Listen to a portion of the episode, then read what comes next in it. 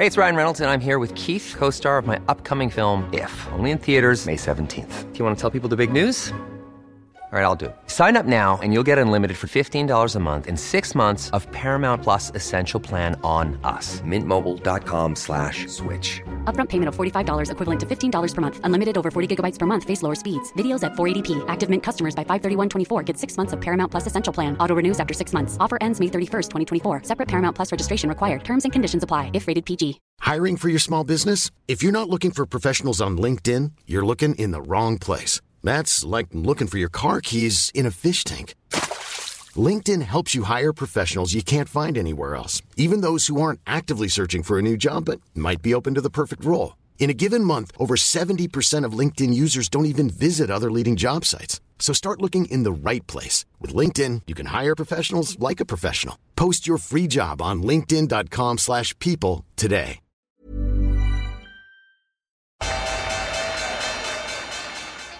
They mistook leverage for genius. Leverage for genius. I would recommend Japan. The governments don't rule the world. Goldman Sachs Velkommen til episode 147 i podkasten 'Tid er penger'. En podkast med Peter Warren. Jeg heter Sverre og er produsent i denne podkasten. Trykker på start og stopp og stiller noen spørsmål og deltar litt i noen samtaler. I dagens episode så skal vi fortsette med den stilen vi la oss til i forrige episode, som er Vi starter med noen enkle spørsmål og svar, så Peter får lov å touche på en del av de temaene som folk vil høre om. Så går vi litt mer i dybden på markedet, snakker litt om en enkelt sak. Og i, i tilfellet i dag så har vi også et langt intervju med Morten Lindemann, medgrunnlegger og eh, CIO i eh, Infront. Kanskje Norges eh, første teknolog i et, eh, et eh, fintech-selskap eh, sammen med sin makker. Og her vi, kommer vi i veldig dybden på markedet og hvordan det fungerer. Det var helt utrolig å gjennomføre det intervjuet jeg gjorde på fredag. Så det, vi kommer til å ha, eh, sånn som sist, så kommer vi til å ha en vanlig episode i dag, og det inkluderer ca. 40 minutter av det intervjuet. Det komplette intervjuet med den komplette episoden, også med reaksjoner fra Peter på intervjuet, kommer på nesten tre timer, og det er en del av vår Patrion-episode. Det betyr at det er, du går inn på www.tiderpenger.no patrion, og så kan du signe opp der. Da får du muligheten til å enten laste ned deres app og høre der, eller få den RSS-feeden du kan legge inn i din podcast-spiller for å høre det på din vanlige spiller. Så det blir akkurat det samme. Du gjør det én gang, og så har du da eh, Patrion-versjonen av episodene. Grunnen til at vi gjør det her, er for å kunne tilfredsstille flere sider av saken. Det er ikke alle som vil høre tre timer om finans, men enkelte vil det. Så her gir vi da muligheten til det, og så har vi da den fortsetter som vanlig med 1 time og 20 ca. på den vanlige ukentlige episoden, men så har vi da en lengre versjon. Så det er en lange, tunge forklaringa, og beklager det. Men da tror jeg kanskje vi går i gang med episode 147. Rett i gang på korte spørsmål og svar. Så, så det er basically muligheten vi får nå. Og vi har fått utrolig god respons etter omlegginga forrige uke, så jeg tror vi bare fortsetter med det. Ikke sant? Jo, Du altså nikker, Peter. Det her er et uh, lydmedium. Ja. Det, det er Så du mener at det holder ikke med å nikke?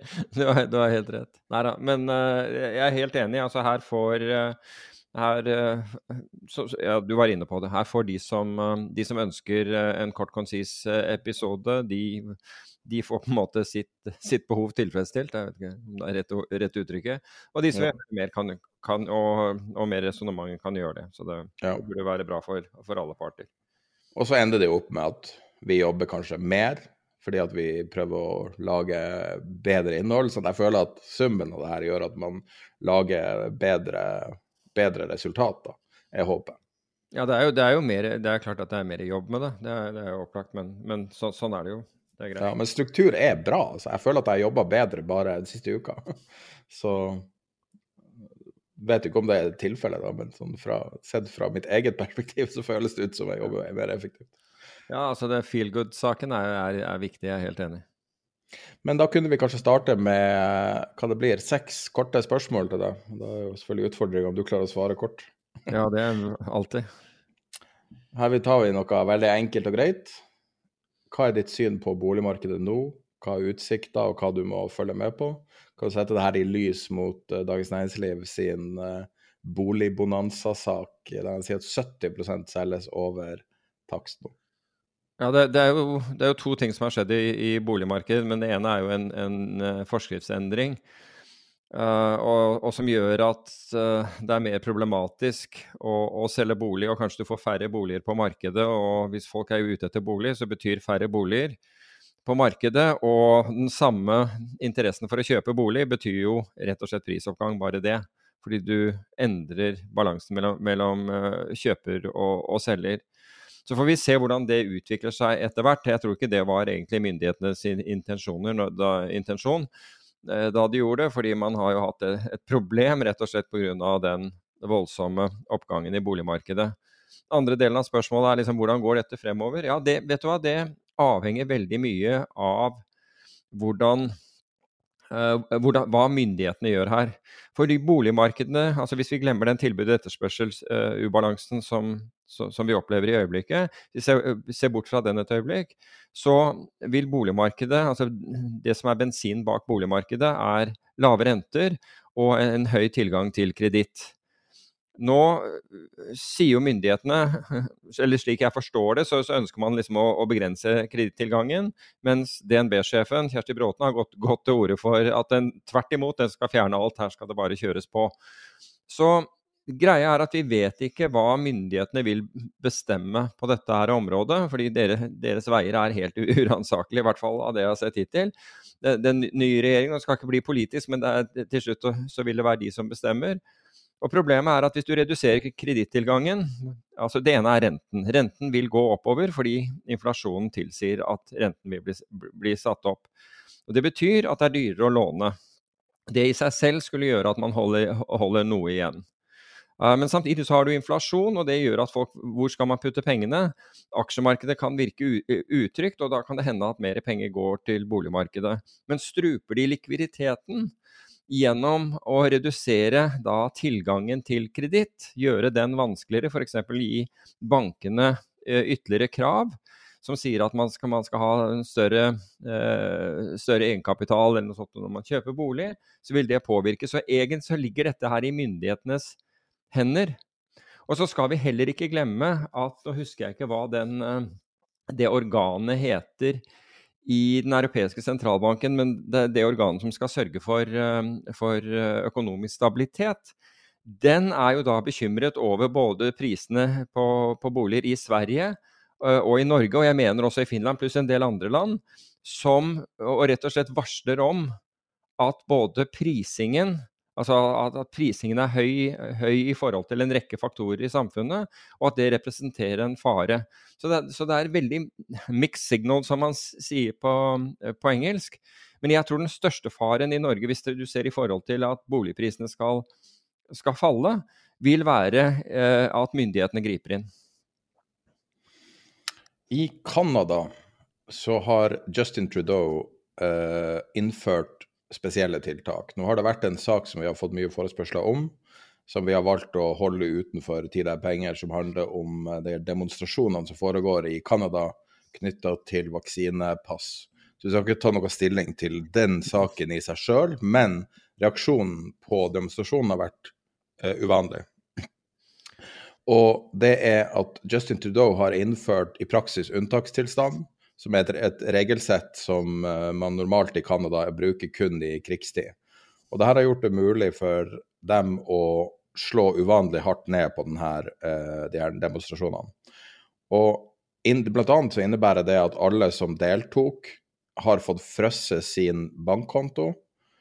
Og i tillegg så har alle som har donert mer enn 25 dollar til eh, en sånn innsamling rundt denne demonstrasjonen også fått frosset sine kontoer. Og Det som kanskje er litt uventa for mange, er at dette gjelder også krypto-wallets, sånn at de går slår hardt ned.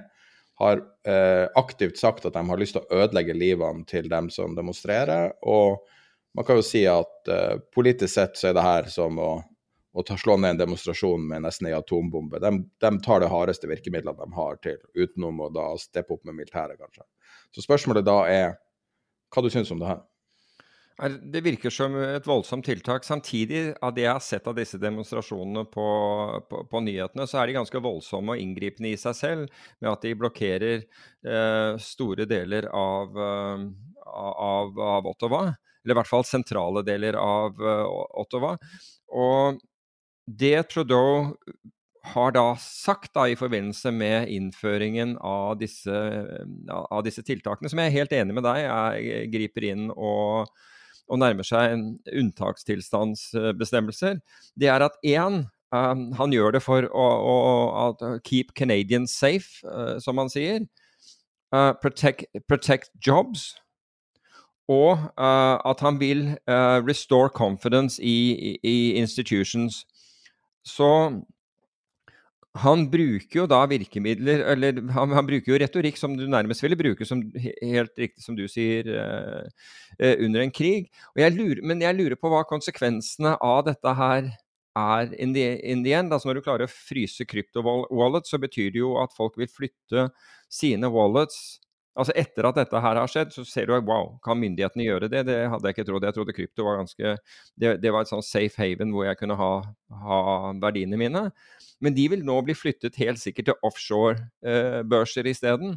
Nettopp pga. Eh, for jeg regner med at dette er på børser i Canada de kan få, få, det til. Men at man da vil, vil flytte det til, til, andre, eh, til andre områder. Så jeg er litt usikker, men jeg, jeg syns jo at man, man, går langt. Men samtidig så syns jeg jo den demonstrasjonen fikk utvikle seg veldig langt òg, uten, uten, at den ble stanset. Altså Hvor var politiet og liksom trafikkmyndighetene da, da, dette begynte å skje? Hvorfor ble ikke ting, barrierer satt opp, og redirigert trafikk eller et eller annet sånt, slik at man ikke um, man, man, man, ikke fikk den effekten på på, på, myndigheter og næringsliv i Ottawa? Det lurer jeg på. Som et oppfølgingsspørsmål så er det jo øh, øh, Tror du det her åpner for andre statsledere som lar seg inspirere? Litt sånn at, at med de her nedstengelsene med korona, så lærte vi oss at oi, kan myndighetene gjøre sånne ting?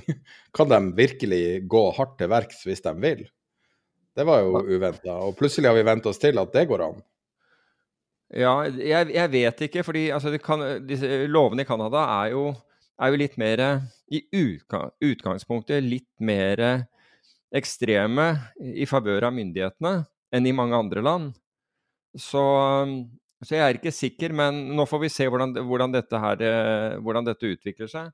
Men mens vi er i Canada, så kan jeg bare tilføye at Toronto ble, ble, ble ble valgt av eh, Det var et, et eller annet tidsskrift, lurer, kunne ha vært Economist, men jeg er ikke sikker. ble valgt som, Hvis du, hvis du uh, kunne drive virksomheten din digitalt, med andre ord hjemmekontor og den type ting, som et av de beste stedene i, um, i verden å være i.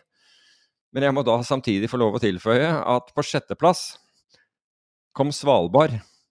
Og Det er jo litt spesielt med, med, med Svalbard. Man, man, så ikke for seg at, at, den kunne være på listen. Jeg tror Svalbard kom rett bak, eh, eh bak Madrid. Ellers så var det jo ikke noen eh, nordiske byer der. Men Svalbard med en befolkning på 4000, hvorav 1000 består av isbjørn, eh, er jo litt merkelig at det skal være en av de beste stedene for eh, for uh, digital business. Spesielt ettersom at det der fiberkabelen røyk nå for uh, noen uker siden. Oh, jeg, ok, jeg har ikke fått med meg det. Jeg har ikke fått med meg det. Jeg regner med at denne, denne undersøkelsen var gjort uh, før, det skjedde. Da. da er neste spørsmål hva er det som skjer i Ukraina? Korte svar på det er jo i øyeblikket er jo en sånn politisk krig eh, slash etterretningskrig. Uh, hvor, hvor, vi vet at, at, det er mye som er usant. Bl.a. det at den meldingen det var, det var, interessant å se i forrige uke for øvrig, den der meldingen om at, at Putin at, man, at, russerne trakk ut uh, styrker. Den viste seg da å ikke stemme, altså, men den, den, den, fikk enorm optimisme inn i markedet. Markedet skyter opp 2% og så får du beskjed etterpå at så ikke er tilfellet, og da faller ikke markedet tilbake igjen. Litt merkelig med det, men det er jo rett og slett en etterretningskrig. Russerne sier at de trekker tilbake, sender ut videoer, og ingen vet hvor, hvor, hvor disse videoene er tatt, eller når de er tatt. På den annen side så har du da USA, som hevder å ha mye etterretning, og såpass mye at de kan angi eh, når, eh, hvilket tidspunkt eh, ting skal, skal, skje på. Og, og uten å fremlegge, eh, fremlegge, dokumentasjon. Og vi trenger ikke å huske lenger tilbake igjen til Irak-krigen, hvor også USA hadde masse etterretning på at, eh, at Saddam Hussein hadde masseødeleggelsesvåpen, som han da viste seg å ikke ha. Så det er jo Kort sagt så er det jo en, på en måte et politisk spill eh, som foregår. For vi vet ikke hva som er riktig, vi, vi, vet hva som hevdes fra hver kant. Men vi kan ikke Vi har på en måte ikke noe dokumentasjon for det. Um, og det er, det er, i hovedsak det som skjer. Og så, vi, og så, er det utfallet av disse tingene som vi da er bekymret for, og, og som vi kan snakke om i, når, vi, når, vi, snakker om selve markedet. Um, det har vært mye snakk om femårsregelen uh, for alle de her uh, skatteflyktningene.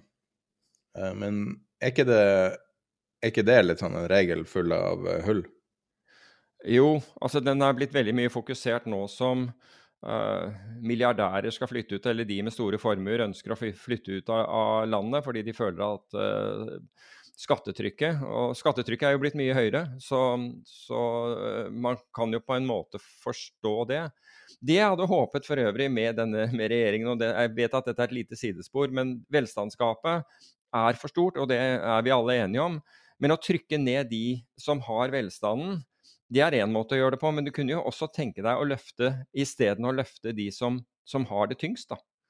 Det hadde jo også altså det, Nå skal jeg ikke hive inn det der, altså en novel idea, men isteden gjøre det bedre for de som, de som, har det minst. For det hjelper egentlig ikke de som har det minst, at de som har formuer, flytter ut av landet. Det, ting blir ikke bedre av den grunn. Tilbake til femårsregelen. Altså den, den, sier jo at du ikke kan selge f.eks. aksjer du har um, skal, i et selskap. Du kan ikke selge de på, på, på fem år, for da utløser det skatt. Altså, det er Jeg vet ikke hvor mange år dette er siden, men jeg tipper at i snart 30 år så har man klart å skjule sånne ting, både gjennom meglerapparatet og banker, ikke norske banker, det, ikke det jeg vet i hvert fall, hvor alt du trenger å gjøre, er enten for, altså for en Hvis du har en kjempeformue, da.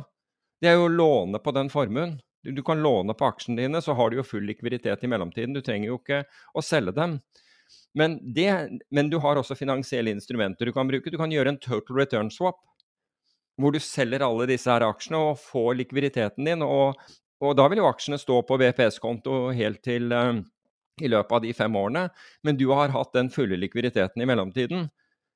Og dette her har blitt brukt i forbindelse med alt mulig, inkludert for å skjule innsidehandler.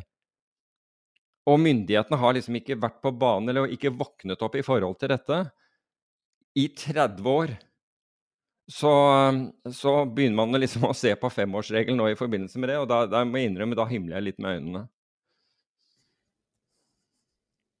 Jeg har et lytterspørsmål. Kom igjen. Hvordan er det man trader råvarer? Ja, den, den, den, mest direkte måten å trade råvarer på er jo gjennom futures-markedet, altså terminmarkedet. For eksempel, altså, dette er det børsnoterte markedet på Chicago Mercantile Exchange eller ICE eller en av disse, eh, disse børsene. Og da må man stille med sikkerhet osv. Og, så videre, og du, du, må selvfølgelig ha en kontrakt med en uh, megler som kan gjøre dette for deg. Og da må du muligens ut av landet for å gjøre det, fordi jeg tror ikke norske meglere bruker noe særlig tid på det. Og i hvert fall ikke i en tid hvor, hvor, hvor emisjoner står i, i, i, fokus.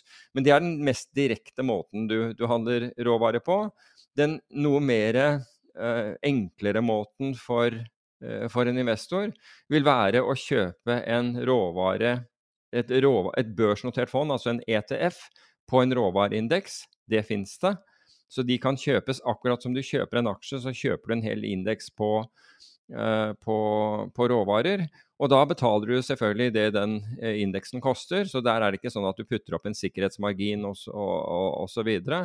og så finnes det andre avarter av dette, også CFD-kontrakter og den type ting. Men hvis du skal sitte og holde på dette, hvis du skal holde på, på posisjonen din, så, vil, så, så, er jo futures og, og, og f.eks. ETF Altså ETF er mye enklere hvis du ikke har lyst til å, å sitte og følge med på dette fra, fra minutt til minutt, så er, en, så er en, en, altså et børsnotert fond antageligvis den enkleste formen eh, du, kan, du, kan, benytte.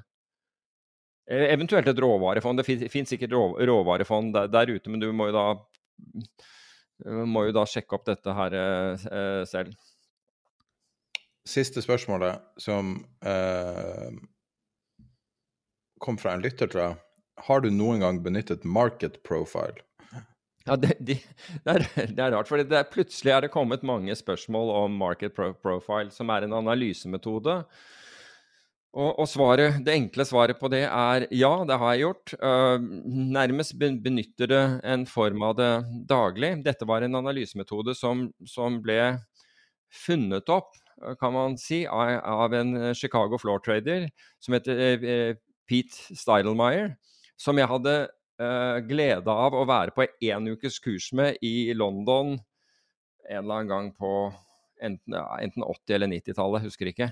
Men han hadde da vært 25 år eh, pit-trader i USA, som en stått i, i pitten, og laget da denne analyseformen hvor, hvor uh, man seksjonerer uh, utviklingen i halvtime. Så, så, du har halvtimes bars som da måler, som, som da tar høy og lav i løpet av den halvtimen. Og det begynner med A, det er idet børsen åpner.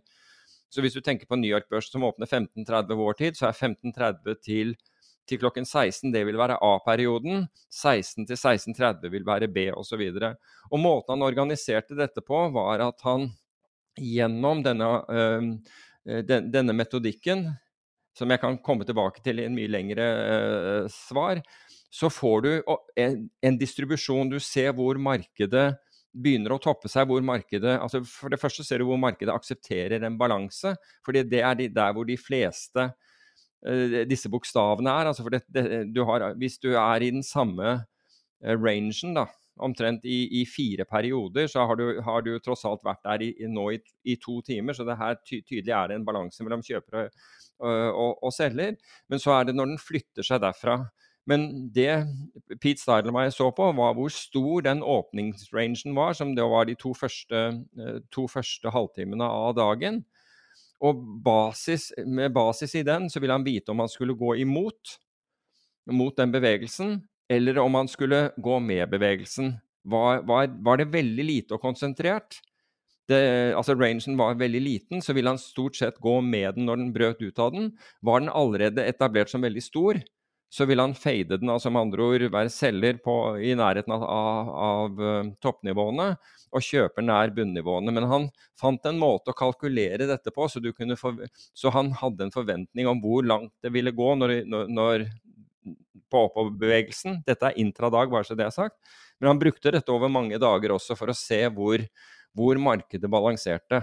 Så det er en analysemetode. og Det var det var ett analysesystem, altså en informasjonsleverandør, som, som, som, het CQS. Som var den eneste hvor du kunne få dette på chart på, på, på det tidspunktet. Mens jeg satt, jeg satt og, og, og, tegnet disse eh, chartene for hånd. Men de var ekstremt nyttige. Jeg brukte de i valutamarkedet, jeg brukte de i råvaremarkedet, jeg brukte de egentlig i alle marked, og bruker det fortsatt egentlig for å se hva som foregår i den intradag. Altså hvor markedet balanserer, og hvor det er hvor det er stor aktivitet, hvor markedet aksepterer nivåene, og hvor de ikke aksepterer nivåene. For det ser du veldig godt. Du, du, du snur chartet nærmest vertikalt når, når, du, når, du, holder på med dette. Og ser da etter hvordan markedet distribuerer. Og de fleste ganger så vil du finne noe som ligner normaldistribusjon i markedet. Og hvis du følger liksom, statistikken rundt normaldistribusjon og finner da hva som er ett standardavvik, så vet du at, nest, at to standardavvik ut, det er det da, da er det, det er altså Hvis du er helt ute på, på to standardavvik, så er det ca. 5% sjanse for at markedet går videre, og 95 på at den vil, vil korrigere tilbake igjen. Og Hvis det er tre standardavvik ut, sant, så har du mindre enn 1% sannsynlighet osv. Du kan kreere noe av det samme med Bollinger Band, men det, ikke, det ser ikke likt ut. Og, og, det er en helt annen analysemetode, bare for å si det.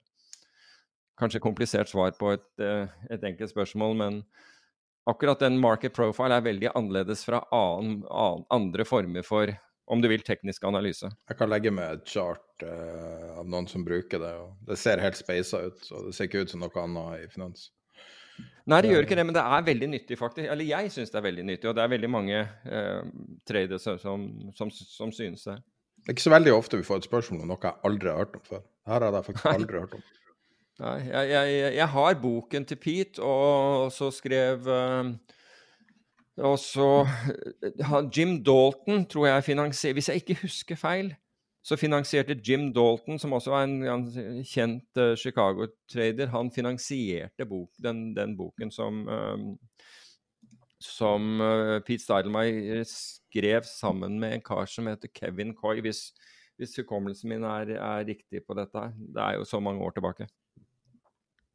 Ja, da kan vi se litt på um, markedet, kanskje.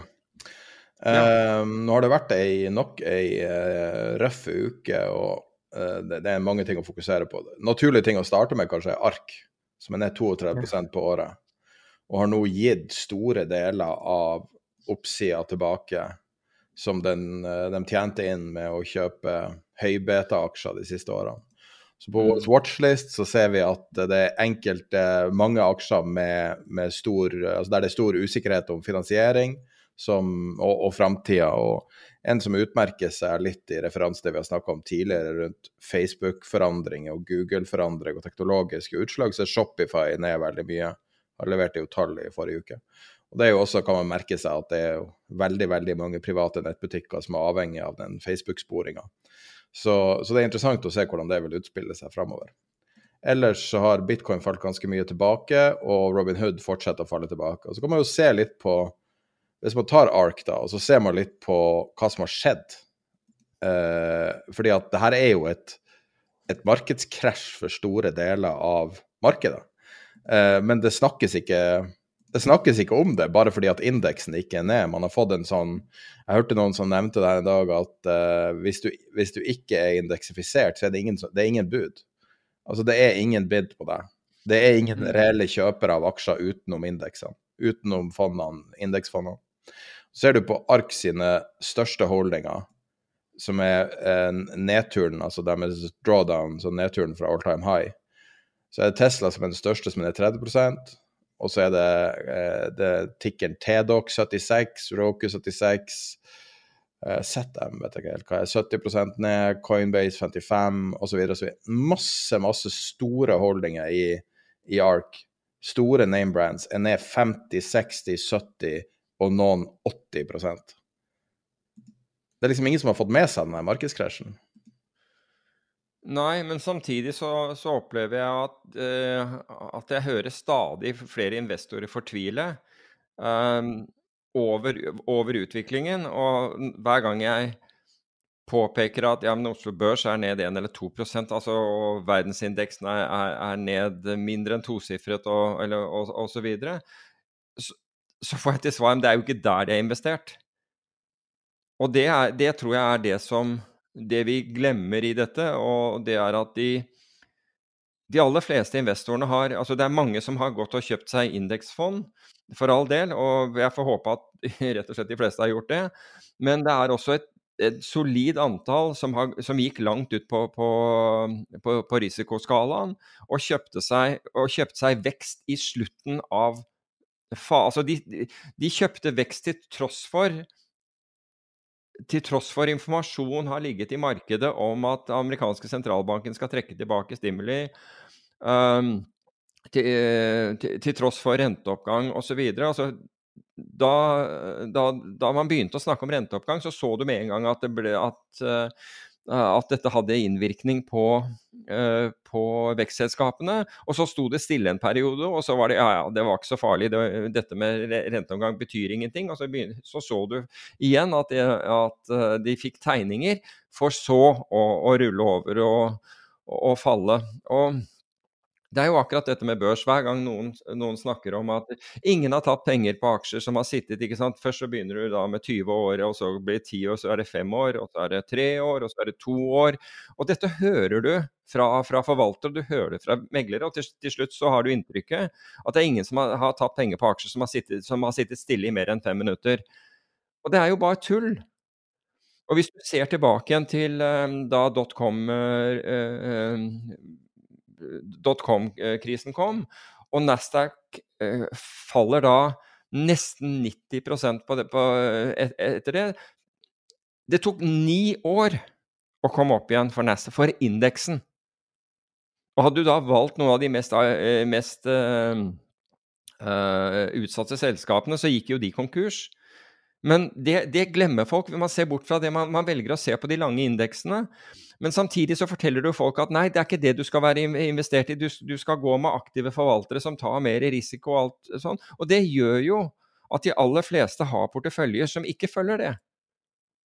De er langt mer risikofylte, disse porteføljene, enn egentlig enn indeksen. Og da gjelder på en måte ikke det, det, det, det som skjer for, med, med indeksen, hvor, hvor, du kan si det der stadig kortere uh, At det er stadig kortere tid, så, så, vil du få tilbake pengene dine. Det er langt opp i ARK. Og det er langt opp og Det er ikke så langt opp for, for, for Nasdaq, men når det gjelder Nasdaq, da, så er det jo altså Antall selskaper i Nasdaq 100, altså det er 100 selskaper i indeksen, men antall av disse som er nå på 52 ukers low, altså som er på ett års low, er flere enn det var under dotcom, og flere enn det var under, under finanskrisen. Så det folk opplever, og det det henvises til med, med, å bruke de bredeste indeksene vi har, det er to vidt forskjellige ting. Jeg, I hvert fall erfarer jeg nesten daglig. Fordi jeg får spørsmål om dette her, og folk er fortvilet fordi nettopp de har investert i de mest ris risikofylte tingene. Og gud forby de som da investerte i um, Euronex Growth-selskaper. Uh, og vi har jo sett forsider med at selv at noen av de største investorene i Norge lider store tap under, uh, i, i, år. Så um, dette har jo og, og når vi først er inne på det, da, så har vi jo aldri sett mer konsentrerte porteføljer enn det vi nå ser. Det gjelder ikke bare Norge, det gjelder på global basis. Det har vel aldri vært så mange som har sittet, som har holdt aksjer, hvor aksjer utgjør hele delen av porteføljen deres, som nå. Og det gjør jo at man er mer utsatt. For diversifisering har fullstendig forlatt eh, tankegodset. For det, du, nei, det er bare tull. Det, det, hvis du diversifiserer, så får du lavere avkastning. Nei, over tid så gjør du ikke det hvis du, hvis du har diversifisert ordentlig. Og vi har jo snakket om at altså frem fra 82 til, eh, til, eh, til, i fjor så har obligasjoner vært veldig bra å diversifisere med. Hvorfor? Jo, fordi renten har falt i den perioden. Renten har gått ned. Og dermed så har obligasjoner når renten går ned, så stiger obligasjoner. Så obligasjoner har vært veldig bra å diversifisere med. Men vi begynte å snakke om dette i fjor da renten på obligasjoner var nær null, og i mange tilfeller under null, at nå har de ikke de egenskapene lenger. Jeg skrev en blogg om det, jeg husker ikke akkurat når det var, og så har vi snakket om dette mange ganger siden. Da virker ikke den, da har du ikke den effekten. Da må du begynne å se etter nye ting. Da må du faktisk ut der og tenke litt. Og det, dette er jo ansvaret til forvaltere. For forvaltere skal ha jo dette som heldagsjobb. Og nettopp se, se på disse faktorene. Og gi deg råd hvis du bruker forvaltere, altså hvis du bruker eh, formuesforvaltere eller, eller, eller, rådgivere, så er det jo nettopp det som er deres oppgave, å si at vet du hva, dette virker ikke, men vi har tro på at dette og dette virker. Idet det kommer inflasjon, råvarer Du kunne også tenke deg å bruke, bruke volatilitet. Uh, og, og, begge deler finnes da instrumenter som du kan bruke, eller fond du kan bruke, for å diversifisere portef porteføljen din. Men vi har nå satt oss i en, i en situasjon hvor vi er, har veldig konsentrert risiko. Um, og, Charlie Munger er enig med deg. Uh, stjerna fra Berkshire Hathaway. Jeg vil si at han er kanskje i nyere tid den største stjerna ut fra det investeringsselskapet. Men uh, uh, makkeren til Er ikke Charlie Munger 99 år, forresten? 98. Uh, og har alltid artige ting på lager. Men han, han, snakker jo også om det her nå når de hadde, de hadde en sånn her om det var resultat, eller om det var en av de her store eventene sine. Men da hadde han i hvert fall en uttalelse om at we have a new bunch of emperors, and they're the people who vote the shares in the index funds. I think the world of Larry Fink, but I'm not sure I want him to be my emperor. Mm. Og det er jo det vi har snakka om det i årevis, indeksfiseringa av markedet. Det at tidevannet hever si, anførselstegn alle båter. Nå er det jo ikke alle båter som er indeksifisert. Mm. Men hvis du kan ta de mest, mest omtalte og en av de mest populære aksjene noensinne, Tesla, er vel i 238 ETF-er, tror jeg. Oh. Ja. Altså, det var jo en genistrek. Det var en absolutt genistrek å få dyttet Tesla over kanten og inn, og inn i SMP 500-indeksen. Det, derfor var, det var jo viktig å bli profitabel, fordi at du kan ikke være SMP hvis du ikke er profitabel. Helt ja, riktig. Og det var ikke så farlig hvor, hvor Altså, man, man, gjorde jo et unntak. Fordi, uh, fordi, det som dyttet de over kanten, det var jo, det var jo uh, disse subsidiene de fikk. Uh, så man gjorde et unntak for Tesla der, men det, altså, man må jo Altså, Musk Du må bare ta, ta deg hatten, for, for, det var en genistrek å få det inn der. fordi der, der finnes det en helt annen likviditet og helt et helt annet kjøpepress. Det er, jo, det er, jo, ting som er veldig bra. altså Hvis vi skal bruke et lite øyeblikk på indeks eh, og indeksifiseringen, det er mye bra med den. Det som er bra, er at det er billig å investere. Du får en bred portefølje, og den porteføljen blir faktisk forvaltet. Det er ikke som det er den porteføljen du kjøper i dag, og den porteføljen du eventuelt selger om ti år. Når, altså, Fondet eh, du har investert i, er det samme, men den vil bli endret med indeksrebalanseringen og nye selskaper inn og ut osv. for deg. Så det foregår faktisk en form for form for, må understreke, aktiv forvaltning i en indeks. Um, så det er positivt, og det gjøres til veldig, veldig lave kostnader. Og, og, og faktum er at det fins ikke så mange briljante forvaltere som det finnes aktive forvaltningsfond. Det kan jeg love deg. Altså, tvert imot. De aller fleste av dem klarer ikke over tid, hvis det er indeksen de har som benchmark, å slå indeksen. Det gjør de bare ikke. Og de som gjør det, av den gruppen, så, si, så er sikkert 80 eller 90% tar mer risiko enn indeksen. Slik at hvis du tok indeksen selv og økte risikoen på den med, med, med begrenset belåning, så vil du tjene mer. Det er mm. faktum. Jeg kan jo si at hvis du ser framover, så i, i hvert fall i henhold til eh, forventa inntjeningsvekst i 2022, så ser Norge ut som eh, at de kommer til å overprestere veldig i år, eh, mm. norske selskaper. Forventa inntjeningsvekst på 23% Ja, det er voldsomt. Det er I sammenligning er det forventa 2 i UK og minus 10 i Belgia, liksom. Så ja. Altså, så selv, om, så selv om Norge bommer med mye, så er den jo vesentlig høyere enn den er i andre land likevel. Ja, men på tross av det så er også på samme tid marginene under press.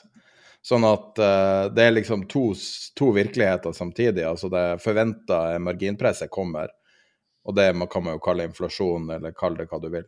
Så, men i um, inntjening, altså inntjeninga uh, øker, mens marginene vil kanskje falle litt. Altså, jeg tror jo også Jeg er helt enig, det kommer an på hvor disse, uh, disse selskapene selger sine produkter. Men hvis du tar for Norges del, da, hvor så mye av, eh, av free cash da, som, som, husholdningene hadde i utgangspunktet når man kom inn i dette her året, vil bli borte. Både som følge av, de, av, av skatteøkninger, for det kommer skatte- og avgiftsøkninger. Så, det, så, så får du strøm, altså strømavgiftene som har gått, eller strømprisen som har gått gjennom taket. Eh, oljeprisen som, som, går gjennom taket, pluss økte avgifter på det.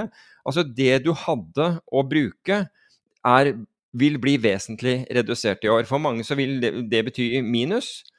Uh, for noen, noen, heldige så vil, så vil de fortsatt, fortsatt, ha, og det, det, er greit. Men i sum, i sum så, går, så betyr det en redusert etterspørselsøkning. Eller en redusert etterspørsel. Og det, hvis du får redusert et etterspørsel, så, så vil det antageligvis bli, akkurat som du sier, et press på marginer. Fordi du får ikke solgt eh, varen din til den prisen. Ergo må du redusere, eh, redusere eh, gevinstmarginen din. Det er interessant. Uh, usikkerhet er jo noe som blir charta. Og ja, uh, du har den der World Uncertainty Index. Nå, Jeg vet ikke om den er helt oppdatert til i dag, men men den, den, den, er, den er forbausende lav, etter min oppfatning. for øvrig. Ja, Og, og det at uh, den siste jeg har, da, som tar med seg korona og, og litt ut i korona, uh, sier at det pika på de verste tida i korona, og det kan jeg for så vidt være enig i. Men jeg vet ikke akkurat hvordan de måler det. Om de måler det på BNP eller BNP-forventninger eller Nå fikk det jo Det ble jo veldig sånn whipsaw på alle indekser under korona. Alle mm. indekser er jo skua av den korona-oppturen, eller nedturen og oppturen. Ja. Uh, men det var interessant datapunkt også at altså Jeg vet ikke hva uncertainty index betyr engang. Men jeg, jeg vet at folk ikke tror at det blir krig i, i, Ukraina, på tross av at de står på hver sin side av grensa og tilnærmet kaster steiner på hverandre. Altså det... Ja, de gjør mer enn det. det, det hva var det for noe? En artillerigranat som tok ut en eller annen tollstasjon eller et eller annet sånt? Men kan du stole på det som kommer av informasjon? Det er mye Nei, for dette kommer jo fra FSB, var kilden til denne. Ja, og jeg ser jo f.eks. Altså, mye av kilden Ja, mye av kilden er jo Sputnik, det russiske nyhetsbyrået. Ja, ja nettopp. Nei, jeg, jeg, jeg, jeg tror det er vanskelig å stole på. Men vi vet jo at det er skyting på, på, på, på fronten her, det vet vi jo. Det har vi jo sett fra fra, på, i, eh, i, i, vestlige nyhetsmedier hvor journalister er inne med kameramenn osv. Du hører jo at det, det virkelig drar. Eh, det så, så det er, Men ute blant folk så føler jeg fortsatt at man er på en veldig uvan... Det er veldig mye uvanlig i denne konflikten. Men det er kanskje mest uvanlige det er at menigmannen som ser på nyheten, virker ikke å være bekymra for konflikt. Ja, det er jeg enig i. Det, men det, igjen, det har med hvordan hjernen vår, vår, virker. Fordi vi tror at verden fremover kommer til å være akkurat, eller temmelig lik det den nettopp har vært.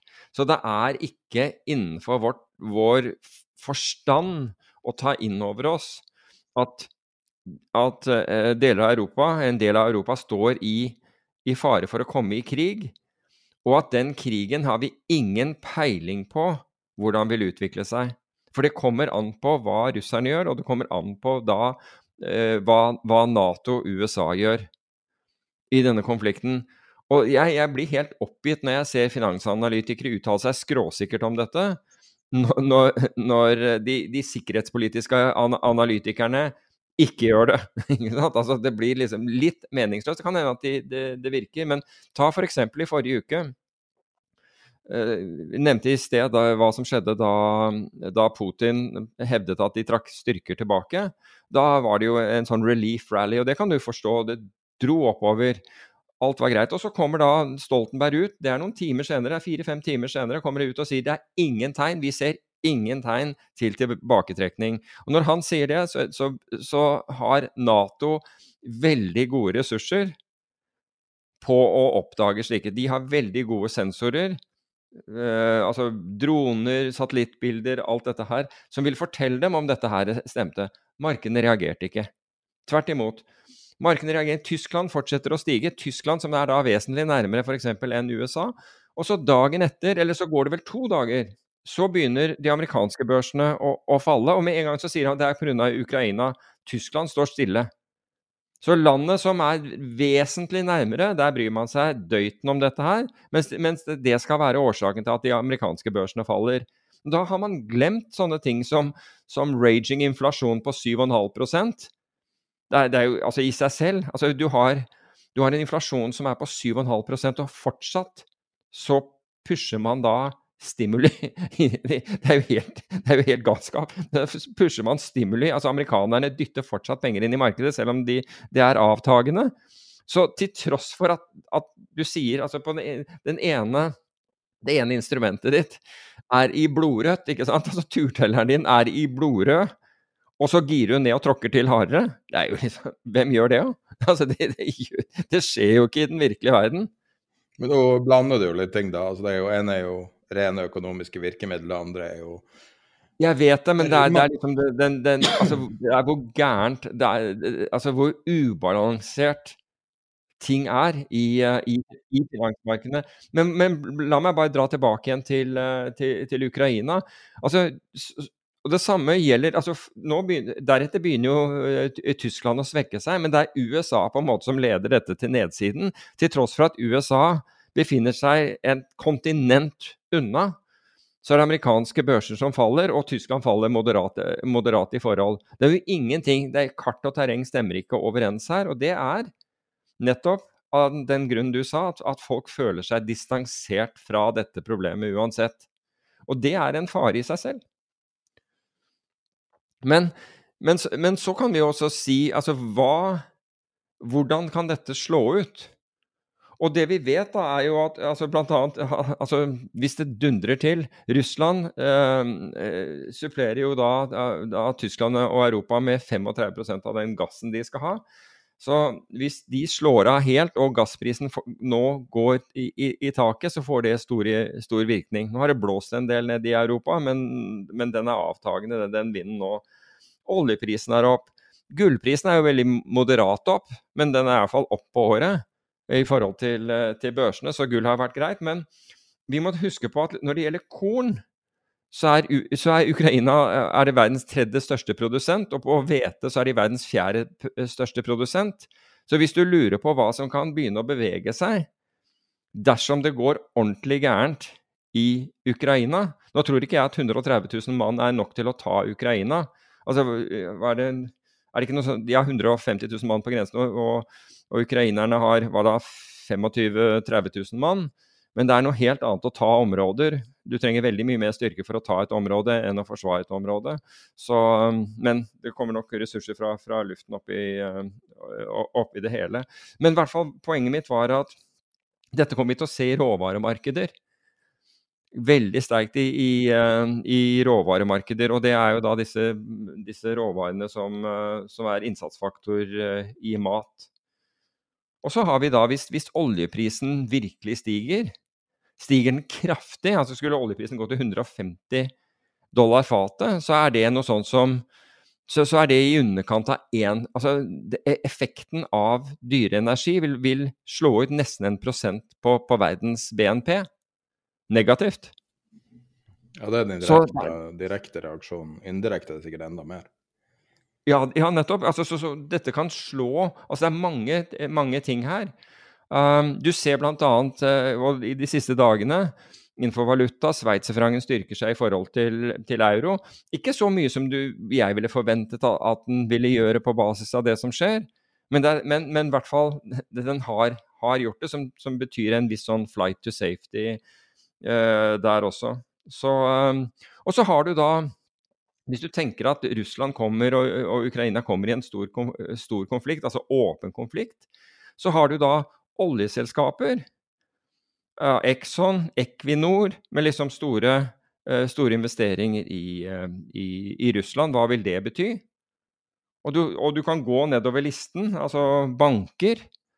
Europeiske banker har, har stor eksponering, i hvert fall franske og østerrikske, mot, uh, mot, uh, mot, mot, Russland. Deretter er det amerikanske, deretter er det asiatiske. Så dette slår, litt, det slår rundt seg, da.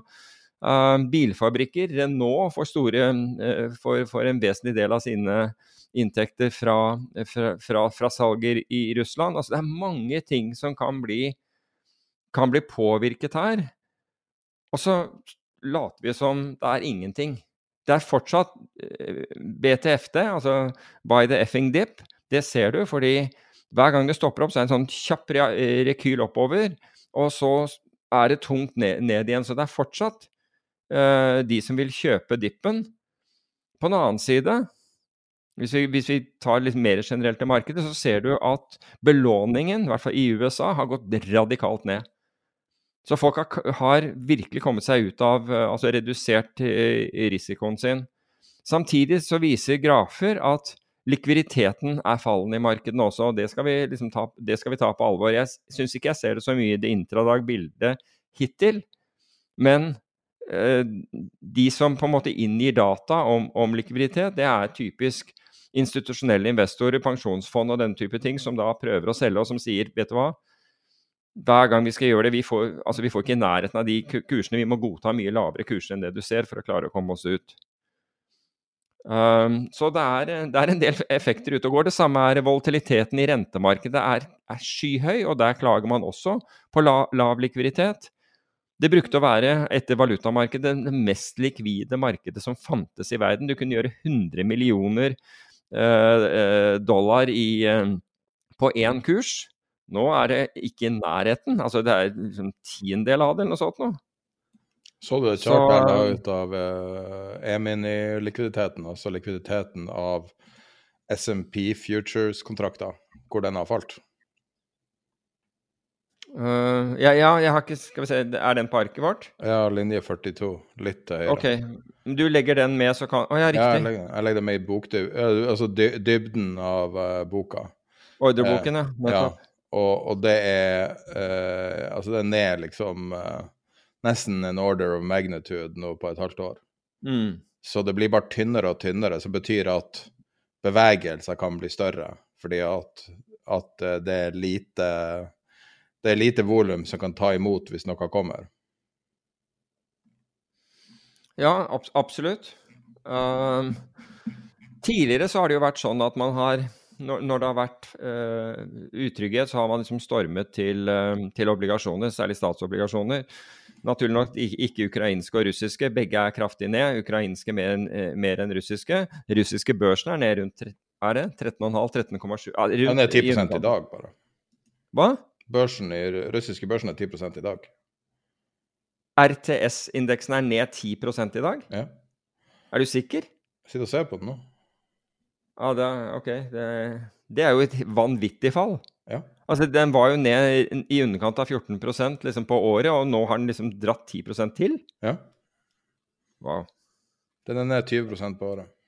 Å, herregud. Ok, da, ja, da, da, da ser man i hvert fall eh, virkningen. Også, men mens, mens, altså hvis du ser til eh, Apropos det med obligasjoner, da, hvor man normalt sett har, har søkt flukt, flukt. Problemet der i dette, i dette altså, vi, vi snakket om det for så vidt i sted, det er jo at inflasjonen langt, langt overstiger eh, renten på, på disse obligasjonene. Og inflasjonen er stigende.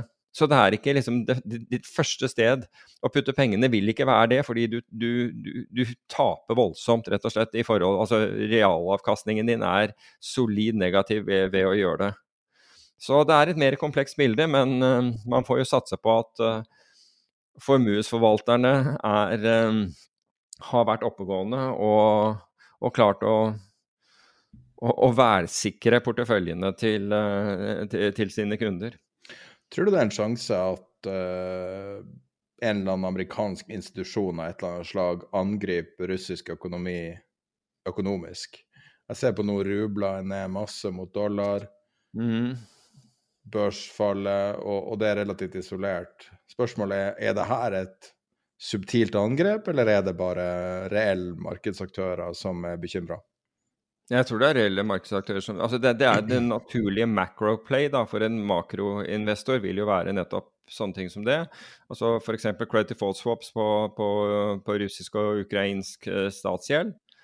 Altså Nå er, har jo den gått til, værs, men liksom i, i det dette her begynte, så kjøper man det. Man shorter, eh, man shorter rubel. Um, og så ser man etter, etter trygge havner eh, på, på den andre siden.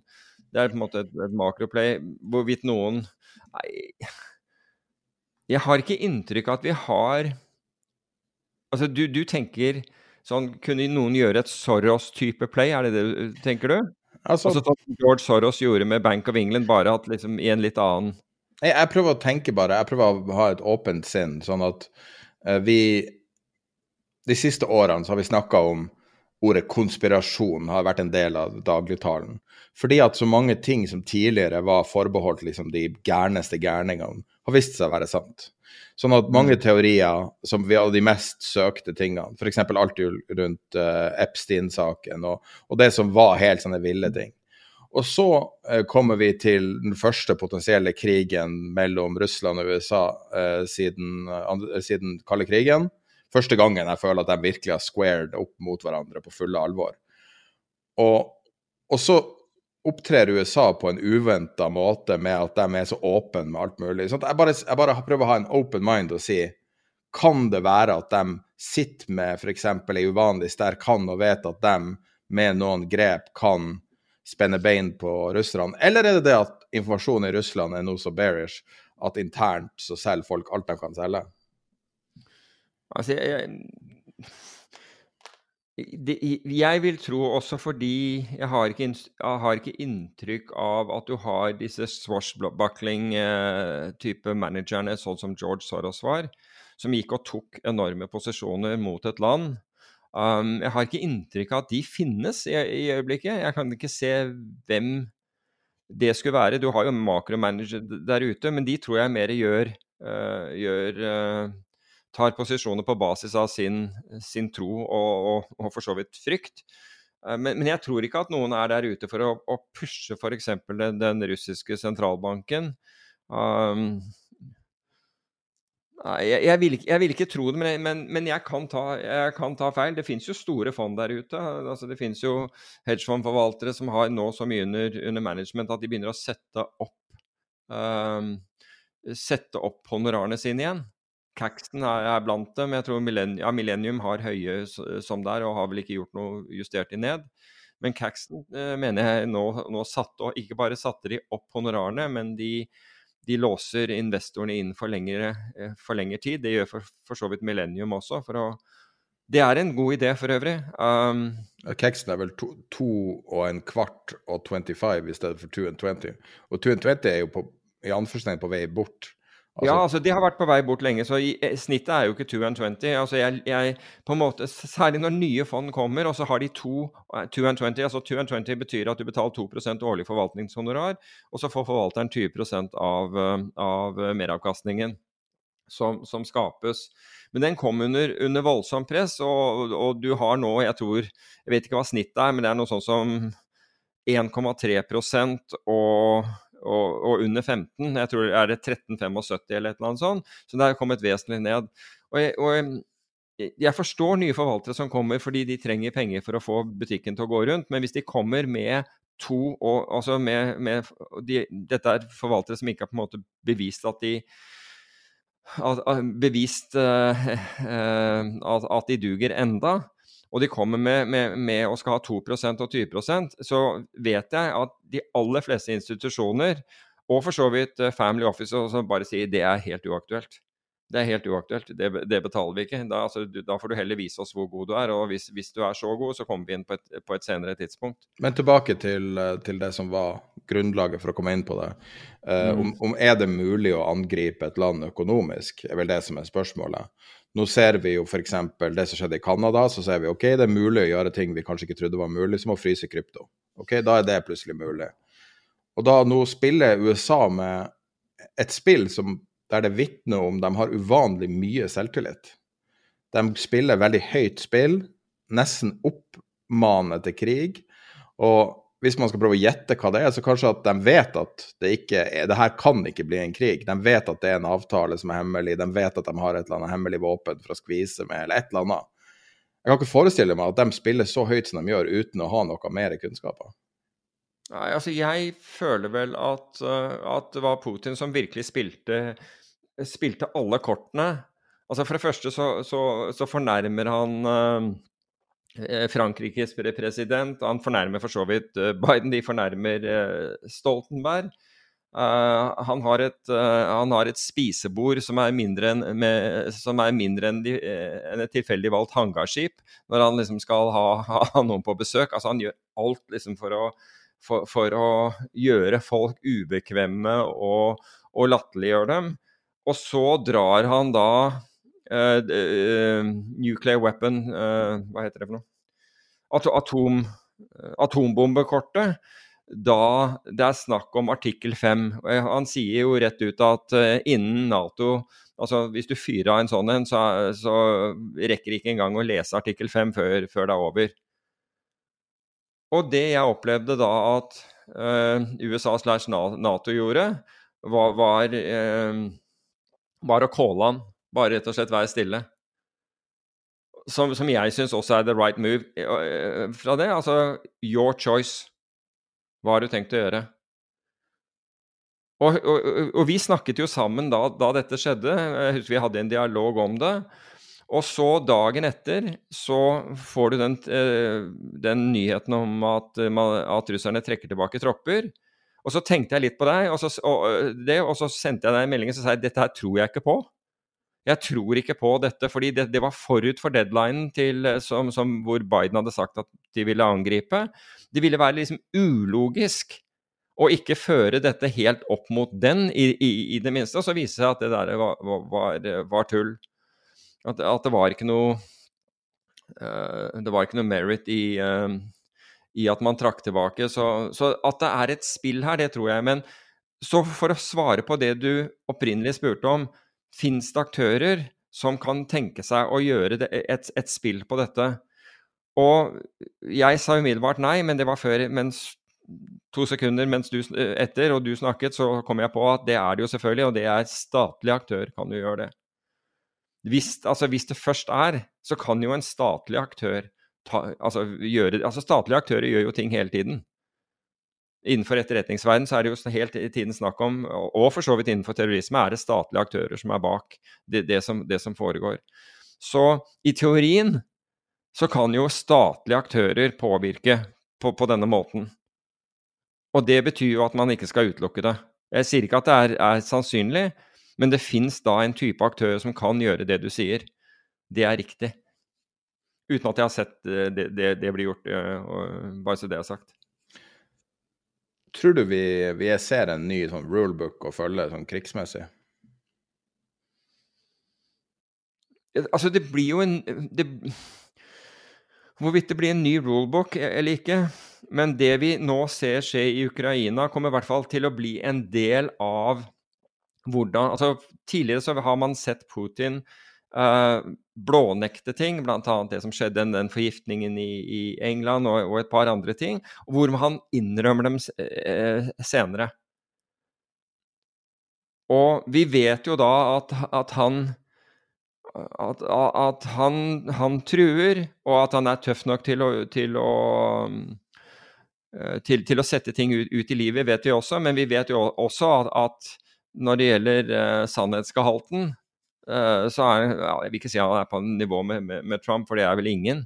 Men, uh, men så, så, jeg vet ikke om det blir en ny rulebook, eh, eller om det rett og slett blir et addendum, hvis du skjønner hva jeg mener. At du bare modifiserer den eksisterende eh, playbooken, da. Eh, det er for tidlig å si. Litt referanse til det vi snakka om i stad. Hva syns du er skumlere trend? Det som skjer i Ukraina nå, eller at det plutselig er åpna opp for å eh, finansiell cancele noen via at du kan fryse kontoer og krypto-wallets til noen du er grunnleggende politisk uenig med? Um, altså Prinsippet av det siste er jo, alvor, er jo, er jo alvorlig. Um, men, på, men altså prinsippet av det siste er alvorlig. Men hvis vi på den annen side i Ukraina, og for å, for å, å sitere Putin, kan stå overfor en, en kjernefysisk krig, så overgår det det meste. Altså, det er, det er, jo helt utenkelig. Det er jo rett og slett helt utenfor for min fatteevne at, at, man kan gjøre det. og vi, liksom, I dag er det fint vær og det blåser litt, og, men alt ser bra ut. Og, og neste er at du har en, liksom en uh, rød sky. Uh, det, er, det, er, ikke innenfor Det er rett og slett ikke innenfor uh, probabilities som, som, hjernen min klarer å ta inn. Har du lasta ned appen til Trump? Du har jo nei. iPhone, har du ikke det? Jo, men svaret er nei. Den er, altså, på, kan... den er nummer én på AppStore nå, den skal lanseres i dag. Jeg har fulgt med hjemmesida siden han lagde konto. Den har ikke vært online en eneste gang. Jeg sjekka hver eneste dag. Den, har, den blir konstant angrepet og uh, beskytta av Cloudflare, så, så, det går ikke an å gå inn på truthsocial.com. Eh, appen er tydeligvis tilgjengelig. Trump har laget konto, og det skulle etter planen lanseres i dag på Jeg tror det er President's Day i dag, så Jeg fulgte han heller ikke på Twitter, bare, bare så det er sagt. Så um, Og jeg orker ikke. Jeg orker ikke det der. Altså, det, det, for meg blir det, blir det bare støy. Men nå er han i hvert fall tilbake. På sin egen ja. plattform verdt 3 milliarder dollar. Hjemmesida funker ikke. Appen er visst live. Fins ikke Android-app, så vidt jeg vet. Ja. Så, um, så, jeg kan ja. ikke teste det siden jeg bruker Android, men um, Uh, hvis noen klarer å bruke det i det hele tatt, så vil jeg gjerne se, uh, høre hvordan det var. Send oss gjerne feedback. Jeg eh, fikk mye feedback etter forrige episode når vi sa 'send oss gjerne feedback'. det er litt sånn 'careful what you wish for'. Ja, det er akkurat sånn da lot noen 400 spelte gå tvert, liksom. Men uh, jeg sjekker nå, det var fortsatt ikke på PlayStore, så Nei, okay. så uh, ellers har det jo vært uh, to, to litt sånn både annerledes nyheter fra krypto siste uka, så kan jeg bare ta med på tappen her. Det ene var at OpenSea, den der um, slags clearinghuset for NFT-handel, og som viser seg å være litt sentralisert i hele NFT-spørsmålet, selv om NFT skal være desentralisert, den ble hacka og angivelig, og det er stjålet masse NFT-er på Jeg vet ikke hvordan det er mulig. Jeg trodde du eide det igjen, at du hadde en eller annen key, men eh, det er i hvert fall masse rapporter om at eh, det er blitt stjålet fra OpenSea, som er problematisk. Har du fulgt det angrepet? Nei, jeg har ikke det. Jeg, nå må jeg si at jeg ikke følger det der NFT-markedet, annet enn at jeg av og til leser en artikkel eh, om det. Men jeg er ikke sånn Jeg er, jeg er ikke brennende engasjert av det, for å, for å si det på den måten. Men det kan, det kan snu. Men jeg kan jo si en annen ting som skjedde da, med NFT-er. Melania Trump solgte en NFT. Uh, og kjøperen av den var tilsynelatende Melania Trump. OK, så hun kjøpte og solgte seg selv? Ja. Og budet var 185 000 dollar. Og det her er jo det som er litt av problemet i NFT-er, er nok at uh, At uh, Nei, det var 372 000 dollar. Og det var Det kunne knyttes direkte tilbake til hennes wallet, i forhold til eh, Bloomberg. Eh, jeg syns NFT-spørsmålet som Altså, det blir jo på en måte overskrifter av at de er verdt hundrevis av millioner og ditt og datt og alt sånn. Så det er jo to ting som ofte ikke rapporteres mye om. Det ene er jo gas fees, altså kostnaden av å gjennomføre transaksjoner, som ofte er veldig høy. Så hvis du skal gi bort en NFT, så koster det deg ganske mye penger. Eh, bare, for å, bare for å lage den. Og eh, det andre er jo det at man ikke har helt innsyn i hvem er det som er den reelle kjøperen, om det her er et reelt marked eller ikke. Det er jo så u, uh, uregulert som noe kan være. Og det at Melania Trump da kan kjøpe sin egen NFT og nesten komme unna med det, eh, så, som i alle andre markeder vil være markedsmanipulasjon, er jo spesielt. Ja, det er jo det. Eh, Apropos NFT-er, så vet jeg at en av våre intervjuobjekt, Hugh Henry, har, eh, har en, skal lage en enten en analyseweb eller en podkast hvor, hvor man må kjøpe, en, altså kjøpe NFT for å høre på. Ja, han skal han kjøpe en token sikkert da, eller? Ja, eh, antageligvis. Altså hvor er, den er i hvert fall eh, den, den skal finansieres gjennom NFT. NFT, ok. Ja, kanskje. Interessant. Ja. Spørs om han får det til, da. Det er noen sa. Ja, jeg vet, jeg vet ikke. Han, han, Han er en eksentrisk type, altså. han er eksentrisk, entusiastisk og, og skotsk. Jeg kan legge linken til det intervjuet hvis du ikke har hørt det. Det var ganske heftig. Jeg måtte legge meg ned etter å ha snakka med han. Eh, Sverre lå i fosterstilling i to og en halv time etterpå. men du bare trenger litt hvile etter sånn. Ja. Du, vi har, vi har, det er en kilde vi regelmessig har brukt, og som, som blir brukt som om det er veldig kjent. Som nå har blitt eh, aktuell, som vi kanskje kunne gått gjennom. Jeg vet ikke om du har lyst til det. Snakk om Zero Hedge. Ja, jeg, jeg, vi- la oss ta de, de siste minuttene før, eh, før intervjuet med, med det. Fordi Ja. eh, det er jo en et, Zero Hedge er jo, et, er jo for så vidt et fenomen. Eh, ikke bare et fenomen, en av verdens største nyhetsnettsider. De har 100 millioner eh, unike brukere, eller klikk, eller hva det er. Altså, det er topp ti nyhetskilder i USA. Wow.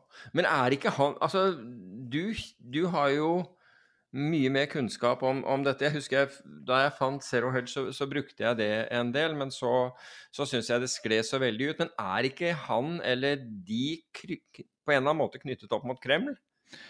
Jeg kan jo gi hele, hele timelinen der. Så han som skapte det, heter Daniel Ivandinsky. Og det er mulig at jeg uttaler det feil. Han er bulgarsk opp, eh, opphav. Han er vel født i Bulgaria. Og så eh, tidligere finansmann.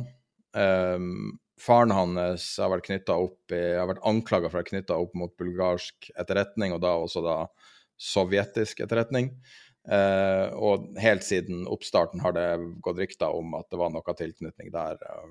Um, han ble dømt for en sånn bagatell, og mis, jeg tror han mista lisensen sin, altså Series 7, i, for å drive som um, Han var vel megler. Så jobba han i, i Jeffreys en periode, men uh, I, i, uh, I, USA? Ja, så han tapte en Nei. sak. Um, uh, så han mista, mista lisensen sin, eller fikk en bot. Relativt liten sak. Og så, i mars 2009, starta han finansbloggen zerohedge.com og kom inn da helt på bunnen av bunnen etter finanskrisa, og kom inn med ultraskepsis og bearishness, og brakte en stemme inn på Twitter, finans-Twitter, som var helt ny, som ingen hadde sett før. Han hadde sinnssykt mye kunnskap. Han hadde helt vanvittige kilder når det kom til uh, research og markeds... Altså tra tradingressurser, uh, alt mulig. Det var noe helt, helt nytt. Så over natta ble han stor, og så har han vært bearish hele veien opp til nå, gjennom den kanalen. Og etter hvert som de har vokst Den ble jo bl.a. banna fra, eh, fra Twitter i en lengre periode. Kommet tilbake. Ja, det, ja. Og han har brukt Twitter mye for å bygge seg opp, og, og har uh, mange hundre tusen uh, følgere. Jeg brukte du, å snakke var litt han, Var det han som sto bak den der Stalingrad, den Porsky, eller hva den het for noe? Nei, nei, det er masse imitatører. Så du har okay. mange i den sfæren rundt han. Så Aha. det hjemmesida nå er en kombinasjon av en nyhetsorganisasjon og en plattform for å legge ut andre sine blogger. Uh, med, fordi at de har så stor reach, sånn at folk er villige altså, Jeg tror Goldman Sachs lar dem publisere research, blant annet, i enkelte tilfeller. Oh, wow. Altså store, store institusjoner. Yes. Ja, I enkelte tilfeller. For de legger ut hele, hele pakka. Da er det helt åpenbart de har fått lov til det. Og de legger ja, ut uh, kommentarer. og blir tatt veldig på alvor. Men det man må gjøre med Zero Hedge, er at man må splitte det i, i egentlig tre, men spesielt i to. da. Så du må se du må, Hvis du skal følge det for finansen, så må du ignorere politikken. For de, de har rett og slett bare De er tre stykker som driver den. Så du har han Daniel Ivandinski, som er han som er primære stemmen på Twitter-kontoen, og skriver stort sett alt finansinnholdet. Så har du en som lager mm, mer sånn generelle nyheter, og så har du en som da står bak alle det ladda politiske stoffet, som er konspiratorisk og ditt og datt. Um, så skal man lese det, ignorer alt som ikke har med finans og ikke indeksifisert å gjøre. Fordi at det er ladda politisk stoff. Men hvis du bare leser finansen, så er det helt verdensklasse på innholdet. altså. Med, med bearish utgangspunkt, da, sånn at alltid skeptisk, men har hele tida vært motstander av pengetrykking. Men har også vært utrolig flink med å løfte nivået på finans i hele verden. Liksom vært et uh, bindeledd mellom det hedgefond-type miljøet som, man, som er ofte gjerne lukka, og resten av verden. Men, men, ble Tar jeg nå feil? Men ble ikke de rett og slett truet av amerikanske myndigheter innenfor et eller annet sånn spionasjeparagraf eller påvirkningsparagraf eller noe sånt nå? Ja, jeg ble anklaga for helt nylig, nå ble aktualisert, med at de um, ble anklaga for å uh, drive spredning av russisk propaganda. Og da er det um, amerikansk etterretning som kommer med den anklagen, som er veldig, veldig, veldig uvanlig og veldig alvorlig anklage. Aldri sett det lignende før. Du vet jo hva det betyr? Det betyr jo at Ivan våkner opp helt uh, sør på Cuba en morgen. Daniel, mener du. Unnskyld, Daniel, ja. Han er så rik. Jeg har hørt han er så steine Hvis du er i et bur på Guantánamo, så hjelper ikke det mye. Nei. Det har ikke hjulpet noen andre der. Ja, de er ikke så rike heller. Ja, nei, men han, jeg, vet ikke, jeg syns det står veldig stor respekt av hva han har bygd opp, uansett om hvis du ser bort fra politikken. Og du må bare, Jeg skjønner akkurat hva det er han gjør. Han, han, driver, han, han lager alt som, er, alt som er i tida. Han følger bare trendene. Uh, men det er jo veldig mye som rett og slett bare er helt sånn riv ruskende galt når det kommer til politikk og alt sånn. Men hvis du bare, bare, bare ser forbi det, så er det veldig mye bra stoff. På Twitter-kontoen, okay. f.eks., hvis du vil. Jeg syns i hvert fall det fortsatt at det er Så man burde definitivt ikke ha det som sin eneste kilde, men det er jo greit å ta med seg. Mm. Jeg, hadde møte, jeg, hadde et møte, avtalt med han da jeg var i New York en gang, og så ble han syk. så mm. det er litt bittert. Uh, så jeg brukte å snakke med han ganske mye for noen år tilbake. Men uh, nå, nå, er han jo ute i universet og er megamektig og svær. Men det er et fascinerende fenomen. Vi har ingenting lignende i Norge. og England har jo en litt sånn lik sak innen politikken. En sånn uh, rogue blogger som har styrt mye uh, av hva folk er opptatt av. Mm. Ellers må jeg, ellers må jeg få, lov å takke en lytter for, som da fant ut at jeg var født i geitas år. Det, det, var definitivt mye bedre enn en slimål som jeg foreslo. Ja. Um, så jeg snakka med på fredagen så snakka jeg med en som vi begge kjenner godt, eh, og prøvde å få litt innsyn i hans perspektiv på verden nå. Prøve å begrave, begrave, nei, grave ut litt av all den informasjonen som bor i hodet hans. Og, og forstå litt mer om um, ja, hva som er viktig, og hva som er viktig å forstå. Så det ble til en 1 time og 40 pluss minutter lang samtale med Morten Lindemann, som er medgrunnlegger av det norske fintech-selskapet Infront, og som har vært er, Han er potensielt den mest kunnskapsrike i Norge på sitt felt. Du har jo kjent ham en stund? Ja, jeg har, jeg har, kjent Morten siden tidlig 90-tallet. Uh, vi holdt til uh, Da var han i noe som het Falcon.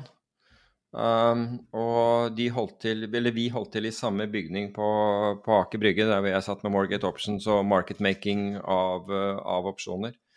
Så jeg har kjent han i veldig mange år, absolutt. Um, men jeg tror du beskrev han som en av de første innenfor fintech i Norge, og det tror jeg du er helt rett i. Han, og de fleste er, har ikke hørt om han. Hva sier du? De fleste har ikke hørt om han. Nei, nei, det, det kan, nei, det, kan, godt hende. Det er fordi han er jo på en måte ikke ute i investormiljøet, men, han, men han har jo Eller sånn i, uh, i diskursen. Men, uh, men, han har jo fått til uh, Han har jo fått til helt fantastiske ting. Og han, han dukket jo opp i media i forbindelse med, med børsnotering av Infront, og så senere ble det tatt av børs. og dukket det opp i, i, forbindelse med at uh, Sveås da kjøpte seg inn det var forut for de to tingene jeg akkurat snakket om. Så, så ja, han, han, har, han, har, fått til veldig mye.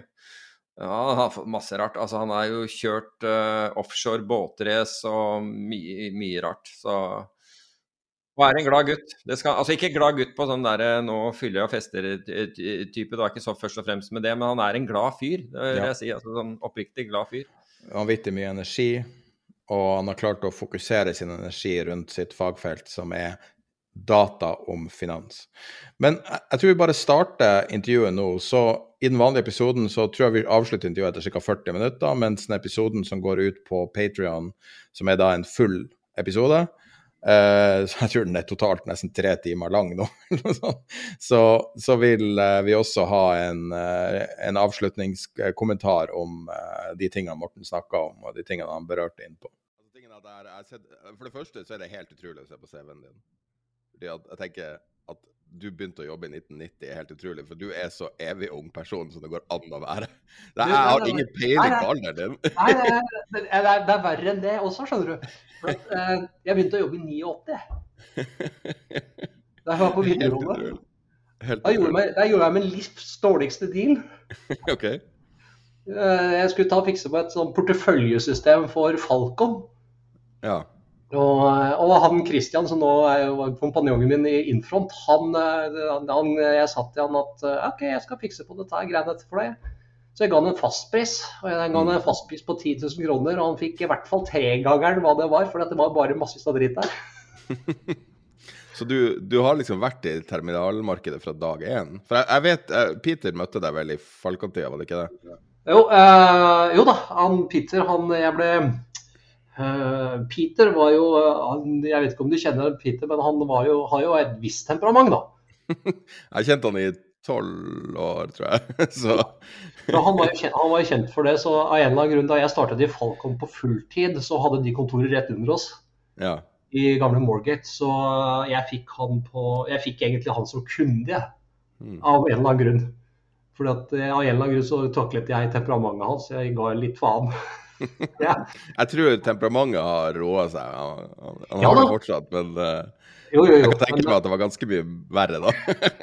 Nei, Da de satt ned på desken der, sånn, så holdt de på med, de holdt på å handle bl.a. på Det er jo litt uhørt i dag, uh, og det kan sikkert han fortelle mye mer om. De handlet bl.a. på noe som het SEC International nede i London. Og der gikk det jo, Den gang da så gikk det jo eh, volumene bl.a. på Norsk Hydro var ticket-sizen var på 10 000 aksjer. Og det, det, Nå snakker vi om begynnelsen av 90-tallet, og det var bare medlemmer som handlet med medlemmer. Så jeg husker en gang, husker en gang hvor han øh, og, og, Det er ganske morsomt, at øh, det forteller ganske mye om han du har podkasten sammen med. Jeg var på uh, surftur i Danmark sammen med noen kompiser. Uh, det må ha vært 92 eller noe sånt. Og så ringer mobiltelefonen. Jeg var utstyrt med mobiltelefon den gang da. Det var ikke kjøttbeinet. Jeg hadde blitt kvitt kjøttbeinet. Det var en sånn der motor-mobila-greie.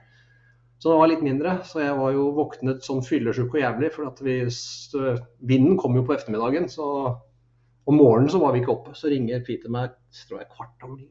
sånn bare var han fly forbanna. Fy faen, sier han til meg. Du får legge på sånne piper her. Eh, nå har jeg handla på gærne kurser på systemet ditt, sier han. Og så tenker jeg, hva skal jeg gjøre med det nå, da? Så begynner jeg å sjekke ut og begynner å ringe, og litt sånt, og så viser det at vår leverandør var jo de som hadde gale kurser. Så vi greide å roe til det og fikk, fikk eh, snakket tilbake med, med, med, Fikk meldingen tilbake. Fikk vi leverandøren til å gjøre det. Så gjør Peter én ting som jeg aldri glemmer. Etter noen, jeg tror noen uker eller et par måneder så ringer han meg. Og så sier Peter til meg Du, Morten, takk for at du gjør en god jobb. Det er, noe, det det er eneste gangen i min karriere som har skjedd meg faktisk at en kunde har tatt og ringt meg og sier tusen takk for at du gjør en god jobb. Og Det syns jeg, jeg, er ganske betegnende fra folk som har altså da, da, aksepterer jeg alt fra et menneske. Det får det der tilbakemeldingen der sånn. Det betyr at du har, du har en ekstrem integritet. Og det, det syns jeg er morsomt. Så siden, siden, den gang eh, så satt jo jeg Da var jeg hadde jeg, jeg var ikke tørr bak øra i det hele tatt.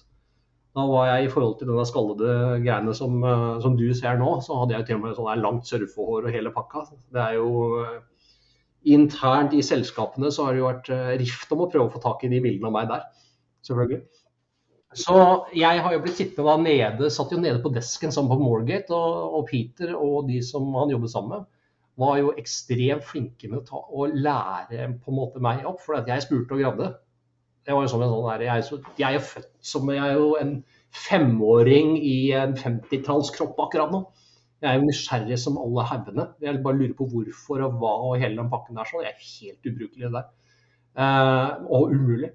Men, jeg, og de svarte, og lærte meg, de lærte meg faktisk opp ekstremt mye hvordan markedene fungerte.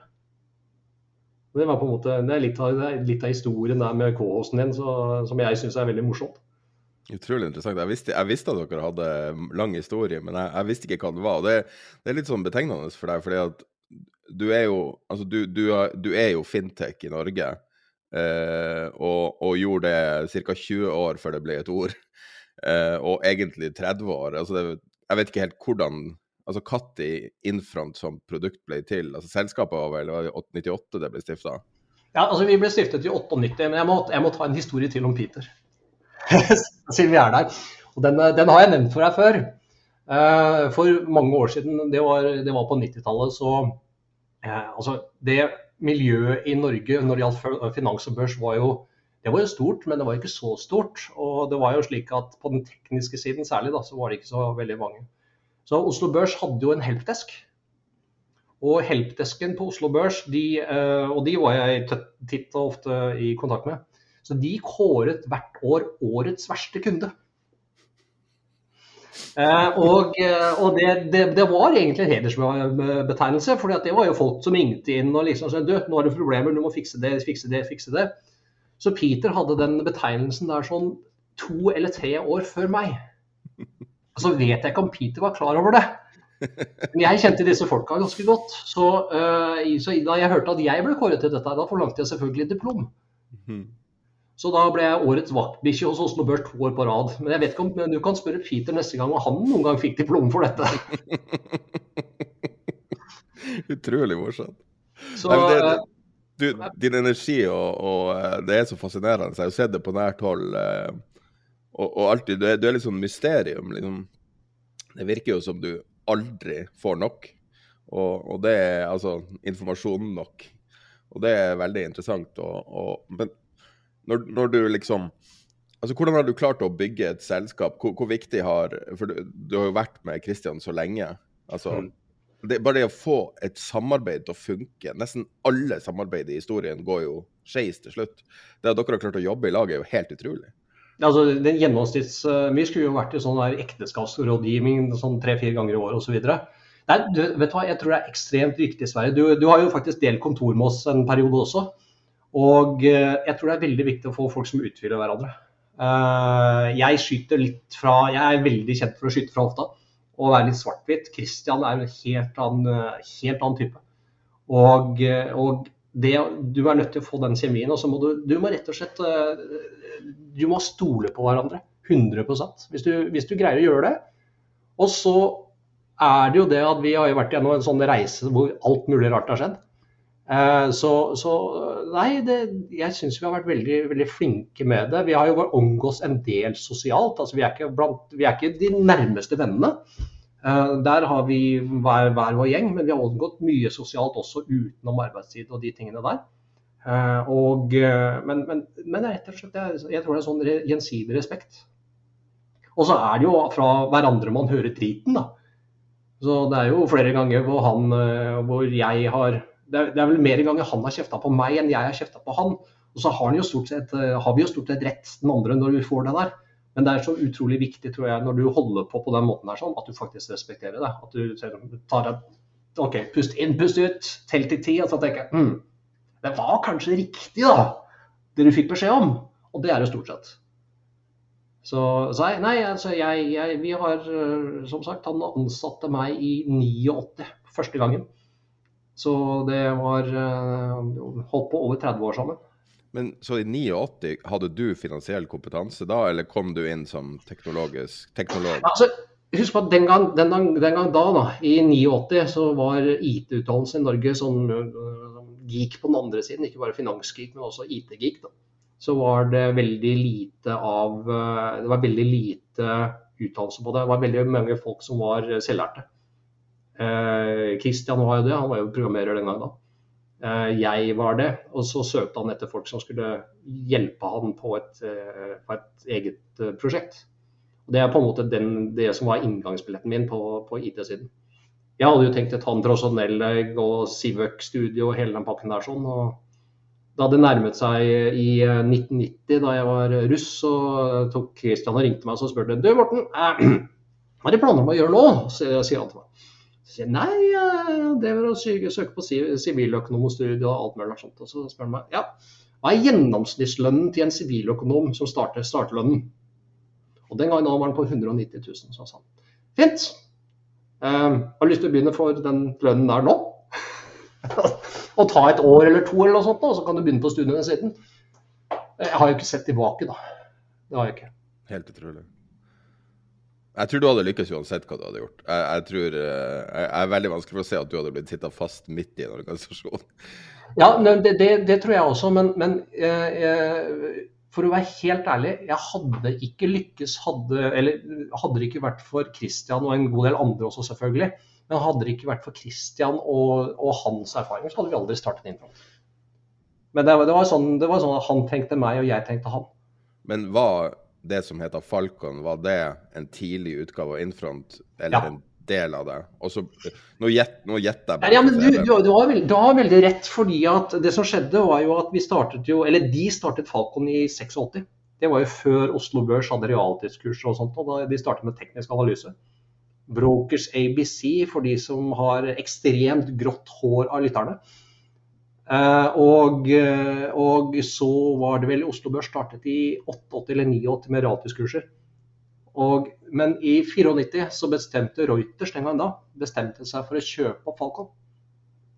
Og uh, der var vi da i, i, fire år før vi startet. Og var, da var vi jo en del av 15 000 ansatte. Og det var vel Ja, vi har prøvd det òg, da. Så levd corporate-livet. Jeg må jo si at jeg har sett Infront en del fra innsida, og det er ikke så veldig corporate. da, da, altså Det føles jo som en startup nesten innen dag i dag, på en måte. Og da mener jeg på, det best, på best mulig måte. Altså, det Ja. Det er jo blant de tingene vi forsøk, har forsøkt å få til. Men er, jeg må jo si at det er ekstremt vanskelig når du, når du går fra å være altså, Vi gikk jo fra å være to til nå over 500 og et eller annet mennesker pga. oppkjøp og sånt. Da. Du greier ikke å og Det er jo det som er litt, på en måte litt dumt. At det er veldig ekstremt vanskelig når du oppnår en viss størrelse, og særlig med forskjellige kulturer osv., å beholde på en måte den kulturen der. Det er, det, det, det er på en måte jeg, Det syns jeg i hvert fall er veldig vanskelig. Eh, det at tyskere har jo visse strukturer og alt mulig sånt, og det å komme inn på en tysker er ikke så Altså Alle sier at det er veldig amerikaneren er superficial, hele den pakken der. Jeg har massevis av gode venner i USA pga. at jeg har drevet med noen rare hobbyer der borte. Men tyskere er vanskelig å komme inn på, syns jeg. Og jeg, og jeg syns faktisk det er enklere å jobbe med ting med folk fra Nederland, til og med briter, hvor vi har utviklingsavdelinger og sånt. Men eh, det er Jeg har vanskelig å få skjønne den uh, tyske kultur, corporate-kulturen. Den, uh, den, har tatt tid til å ta, på en måte, lære seg. Og den har ikke, og der er jo En tysker ser jo på meg som en sånn der gæren cowboy med revolveren og skyter vilt rundt seg. Så de skjønner jo ikke, de skjønner jo ingenting av hva, hva, sånne som jeg på en måte driver, og hvordan de driver, og hvorfor vi driver det. Jeg har hørt en gang at um, tyskere, altså hvis, hvis, de, altså hvis, det er regler, så er de liksom det man forventer med tyskere. Men hvis noe går utenfor rammen, så er det helt, altså det er helt det er ingenting som fungerer. Alt er ute av kontroll. Men det må være innenfor rammen. Så jeg kan tenke meg at deg i møte med dem må være veldig ukomfortabel for dem også.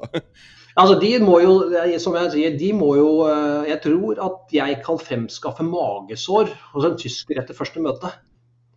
Og det var jo da vi kjøpte, kjøpte opp det kjøpte opp et tyske selskap som het FAVD i Infront. Eh, første middagen der så måtte jo faktisk eh, nærmest vår CFO redde meg fra en ekstremt pinlig situasjon. For at jeg prøvde å ta noen sånne eh, litt på kanten Jeg, jeg husker ikke engang hva jeg sa. Og salgssjefen vår han reagerte veldig på det, husker jeg. Og men nå er jo faktisk han en av de som er fortsatt i C-level managers hos oss, som er salgssjefen vår. Og vi har et ekstremt godt forhold nå. Men jeg husker at første gangen han var ikke vant til den, eh, den formen jeg var. Så han har lært seg den. Og han, han er blant de som faktisk greier å ta det utenom når det ikke er innenfor firkanten. da. Jo, det er, jo, det er, jo, en bra måte å luke ut uh, de feile og få de riktige folkene inn. Ja, ja, det er jo det. Eh, men, men, igjen, da. Du er nødt til å eh, Skal du jobbe i et f.eks. Det, det, å komme ned tror jeg, som en, eh, som en, nordmann til en del av disse landene her sånn, og si at norsk lederstil, kommer til å fungere 100 da, da, kommer du til å gå på en ekstrem smell, for du kommer ikke til å greie å gjøre noen ting. Så man er jo nødt til å tilpasse seg og prøve å få det beste ut av folk hvor de sitter. Jeg tenker på at Dere har gått gjennom så mange faser så jeg sier liksom sånn Første gangen dere snakker om noe skitt Jeg regner med dere hadde en lock-in-kontrakt i Reuters og var, måtte være der en stund? Altså, Jeg var ikke eier, så jeg hadde ikke det. Christian hadde det. Ja. Så da den lock-in-kontrakten var opphevet, så plutselig het noe Infront. Ja, og det, og det, er, det, er, det er sånne ting jeg lurer på, for det er så magisk med sånn Når man ser tilbake, så er det sånn Husker du første gangen dere snakka om det? Husker du første kunden dere signa? Sånne type øyeblikk. Og så den fryktfølelsen og den gleden og den det bobler over. Jeg kan, jeg kan, bare forestille meg hvordan du var i den fasen med alle muligheter. Her, her, her, så kommer det merkelige. Alle, alle, tror at det er sånne euforiske greier og når du holder på med dette og lykkes og får første kunden og sånt noe. Men eh, jeg har tatt meg i det noen ganger så har jeg sett at fy faen, nå går det bra. Nå er jeg skikkelig fornøyd. Da går det noen timer, og så får jeg en eller annen, da er får jeg en eller annen rett i, rett i fleisen får jeg enten én eller to blåklokker, og så er det et eller annet som går gærent. Det er, det er liksom, jeg har tatt meg i det noen gang. Og eh, Det som er betegnende tror jeg er for folk, er, en del folk, er at de blir jo aldri egentlig helt fornøyde. Eh, når du på en måte har Du har bare delmål. Og så vet du ikke hva det endelige målet er. Du bare jobber og jobber og jobber for at du ønsker å bare gjøre noe bedre, gjøre noe bedre, gjøre noe bedre. Og jeg, jeg, tror er, eh, jeg tror det er litt sånn betegnende for uh, sånne idioter som meg. Eh, du, du, du, greier ikke, du oppnår aldri full, sånn full tilfredsstillelse. Å, nå har du lykkes, jeg har hørt det flere ganger. Å, nå har du lykkes med hva du har drevet med. Så sier jeg nei, jeg er ikke fornøyd, jeg. Det er sikkert derfor det aldri har vært sånn. Jeg tenker på at jeg har kjent deg ganske mange år nå, og har jo fulgt med det lille som er omtalen som har vært om deg i media, f.eks. Og du kan ikke akkurat kalles en selvpromotør. Jeg har aldri hørt en historie, og det er vel litt det der at du ikke er fornøyd. Det er ingen vits å sitte og se tilbake og fortelle historien. Jeg får litt inntrykk av at du tenker sånn. At altså, du, du vil oppnå mer. Ja, altså jeg, jeg, bruker jo historien for hvis jeg skal Når jeg skal snakke med kunder og, sånt, og potensielle kunder, så bruker jeg historien for å få folk til å skjønne hva vi er. Altså jeg kaller meg litt sånn tradisjonell uh, i forhold til business. Jeg, er veldig, jeg tar det veldig personlig. Uh, og uh, jeg startet jo veldig tidlig altså på slutten av 90-tallet så var det veldig få som hadde mobilnummer og privatnummeret sitt stående på visittkortet mitt. Og det, det sto der alltid. Jeg har alltid sagt til kunder har du problemer på, på kvelden eller på natten, så ringer du meg. For jeg vil heller ta og begynne på et problem og fikse et problem før markedene åpner, enn at jeg skal starte klokken, eh, si klokken åtte. Da. Og så skal jeg få et nytt magesår fordi at ting ikke fungerer. Uh, det har skjedd meg én gang i karrieren at folk har ringt meg på odde tider pga. det, og det var faktisk ganske viktig. Men, men, jeg, men jeg, tror det å være uh, Altså jeg, jeg, forsøker å være ærlig med kunder og alle, alle folk når det gjelder disse her. For det, det, er som jeg sier til dem. Blir du ikke kunde nå, så blir du kunde om fem år. Da. Er, eh, du kan ha et forhold, du kan, du kan, du kan i gåsehudene utnytte meg, få informasjon fra meg, vi kan prate sammen. Jeg kan faktisk være helt ærlig med deg. Jeg kan til og med være ærlig og si at vet du hva, vi er ikke der hvor du ønsker at vi skal være nå, men det er vi kanskje om noen år. Da snakker vi sammen da. Jeg tror det er ekstremt viktig å ha en sånn integritet og jobbe, jobbe på den måten der. sånn. Og jeg tror folk som har det altså, Det er greit at du har en god idé, det er greit at du jobber på den måten der, sånn, men integritet tror jeg er ekstremt viktig for å lykkes. Skal du, liksom, skal du lykkes over lang tid? Ja, men det er også det. Også produktet. Jeg tenker på hvor lenge jeg har brukt Infront, siden 2008. Og produktet er jo grunnleggende det samme. Og det setter jeg veldig pris på. Jeg vil ikke at du skal oppdatere noe interface eller noe. Dere har jo gjort noen oppdateringer, ja, men, vi, vi har, egentlig ikke. Ja, vi har i prinsippet gjort én oppgradering av interfacet der sånn. Og så har det skjedd og så, ja, og så har det vært veldig mye som har skjedd uh, som skjer under the hood. Fordi at det, det, folk har en tendens til å glemme, egentlig. Og det har jo hatt, uh, og her, sånn, her sånn er jo sånne som Peter og disse som er uh, kall det, kall det, har vært i bransjen i mange år, de kan jo selve håndverket børs. Og det er jo veldig få til og med på børsen som kan. Og når jeg velger i børs, så sier jeg hvis jeg, for, hvis jeg spør deg hvordan fungerer en auksjon, så kan du forklare litt om hvordan det er. Ja, du kjøper og selger møtes osv. Men det er en del ting under auksjonsprosessen f.eks. som du ikke har peiling på hvordan fungerer. Og det er det noen som gjør, og de vet å utnytte det. Og Det er sånne ting som jeg, jeg, jeg liker å ta og se på. Uh, F.eks. når du holder på med disse iceberg-gårderne på børsen, altså du ikke viser fulle volumet ditt. Det gamle handelssystemet til Oslo Børs ble jo faktisk uh, ble jo skrudd av en stor aktør. Det var ikke så ekstremt mange som visste, men det var en mekanisme som London-børsen brukte for å få Eh, altså De konkurrerer jo på mikrosekundnivå for, uh, i forhold til andre børser. Det var en måte de optimaliserte systemet sitt for å gå fort. Og det vil si at Folk som var små i forhold til iPhone Order, de ble spist opp av de store med iceberg order. Fordi at de ble forfordelt, de store. Og det er jo sånne ting som du ikke har vært, antagelig vært klar over uh, i sånne systemer. Og det er jo sånn f.eks. bare for to år siden. Jeg skulle jo ønske, da covid kom, og markedet stupte, og alt var jo gærent. Skulle jeg ønske at jeg hadde tid til å handle, for jeg så jo så mange ting som ingen andre så. F.eks. DNB. Jeg husker ikke hvor mye DNB var ned på åpning, men det var grassat da, da, vi hadde den eh, ekstreme dagen. Og jeg satt og så på hvor mange aksjer Det var tre små ordre som bestemte kursen på DNB ved åpning, fordi at resten var at market. Så, så det, det, det, er jo Det skulle jo aldri vært åpnet nummer én. Altså, de skulle faktisk hatt mekanismene. Mekanismene fungerte ikke den dagen der sånn, fordi at altså, alle de som tok på åpning, Hadde hatt muligheten der sånn, eh, og ikke holdt på å passe på at du fikk kurset, Sverre, og en del andre, så skulle jeg kjøpt bl.a. deler, bøtter og spann. For jeg satt og så på systemet og lurte på hva i helvete er gærent, tenkte jeg. Det er ikke mulig. Så jeg, jeg, brukte hele resten av dagen på å analysere hva som skjedde der. for å finne ut, Jeg visste at det var riktig, men da, da måtte jeg bare inn og se. Og DME var bare et, et eksempel og masse aksjer, andre aksjer. Så jeg kunne jo fint ha dratt 20 den dagen her på, på nærmest risikofritt. Men det var rett og slett alle sammen skulle ut samtidig. Bare at market order. Og så var det tre bitte små ordre. Jeg husker ikke hvor mange aksjer det var engang. Jeg tror det var under 200 aksjer som bestemte kursen på DNB. Og dette, dette, har, dette, har, noe med, dette har noe med uh, Sånn som dere var inne på podkasten, og som Jan Petter Sissener holdt på med. F.eks. tegningsretter kontra underliggende aksjer også, og de tingene der. sånn. Det er massevis av disse små tingene som er ganske viktige å vite om. Og, og, og det er ikke så veldig mange som kan det lenger. Nei. Du og Peter. Nei, altså du, der, eh, du, har, du, har, Peter og meg. du har eh, altså Jan Petter Sissene kan dette her, for han har jo vært i bransjen så mange år også. Og det er en del andre som også kan dette. Eh, dette håndverket, da, altså, hvis jeg vil kalle det. Men det, det er kanskje litt i ferd med å dø. Oslo Børs hadde noen som var flinke på det, og så mistet de det. Nå er jo de en del av Euronex-systemet, og der har de selvfølgelig folk sentralt som kan dette. her. Men, men uh, før Oslo Børs ble en del av Euronext, så var det, da var det ikke så mange som faktisk kunne en del av disse detaljene når det gjaldt børs, altså andrehåndsmarkedet.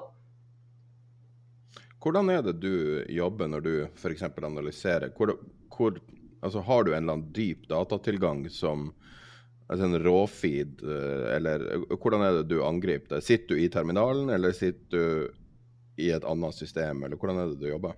Altså, det du ser i terminalen, det er jo data som på en måte er litt ramassert. For hvis jeg sender alle oppdateringene til deg ut i terminalen, så nummer én så hadde produktet blitt dyrere. Og nummer to så måtte du hatt uh, litt heftigere PC eller hva du sitter med som, uh, for over ett år siden motta de dataene. Så vi, vi, prøver å optimalisere i forhold til øyet.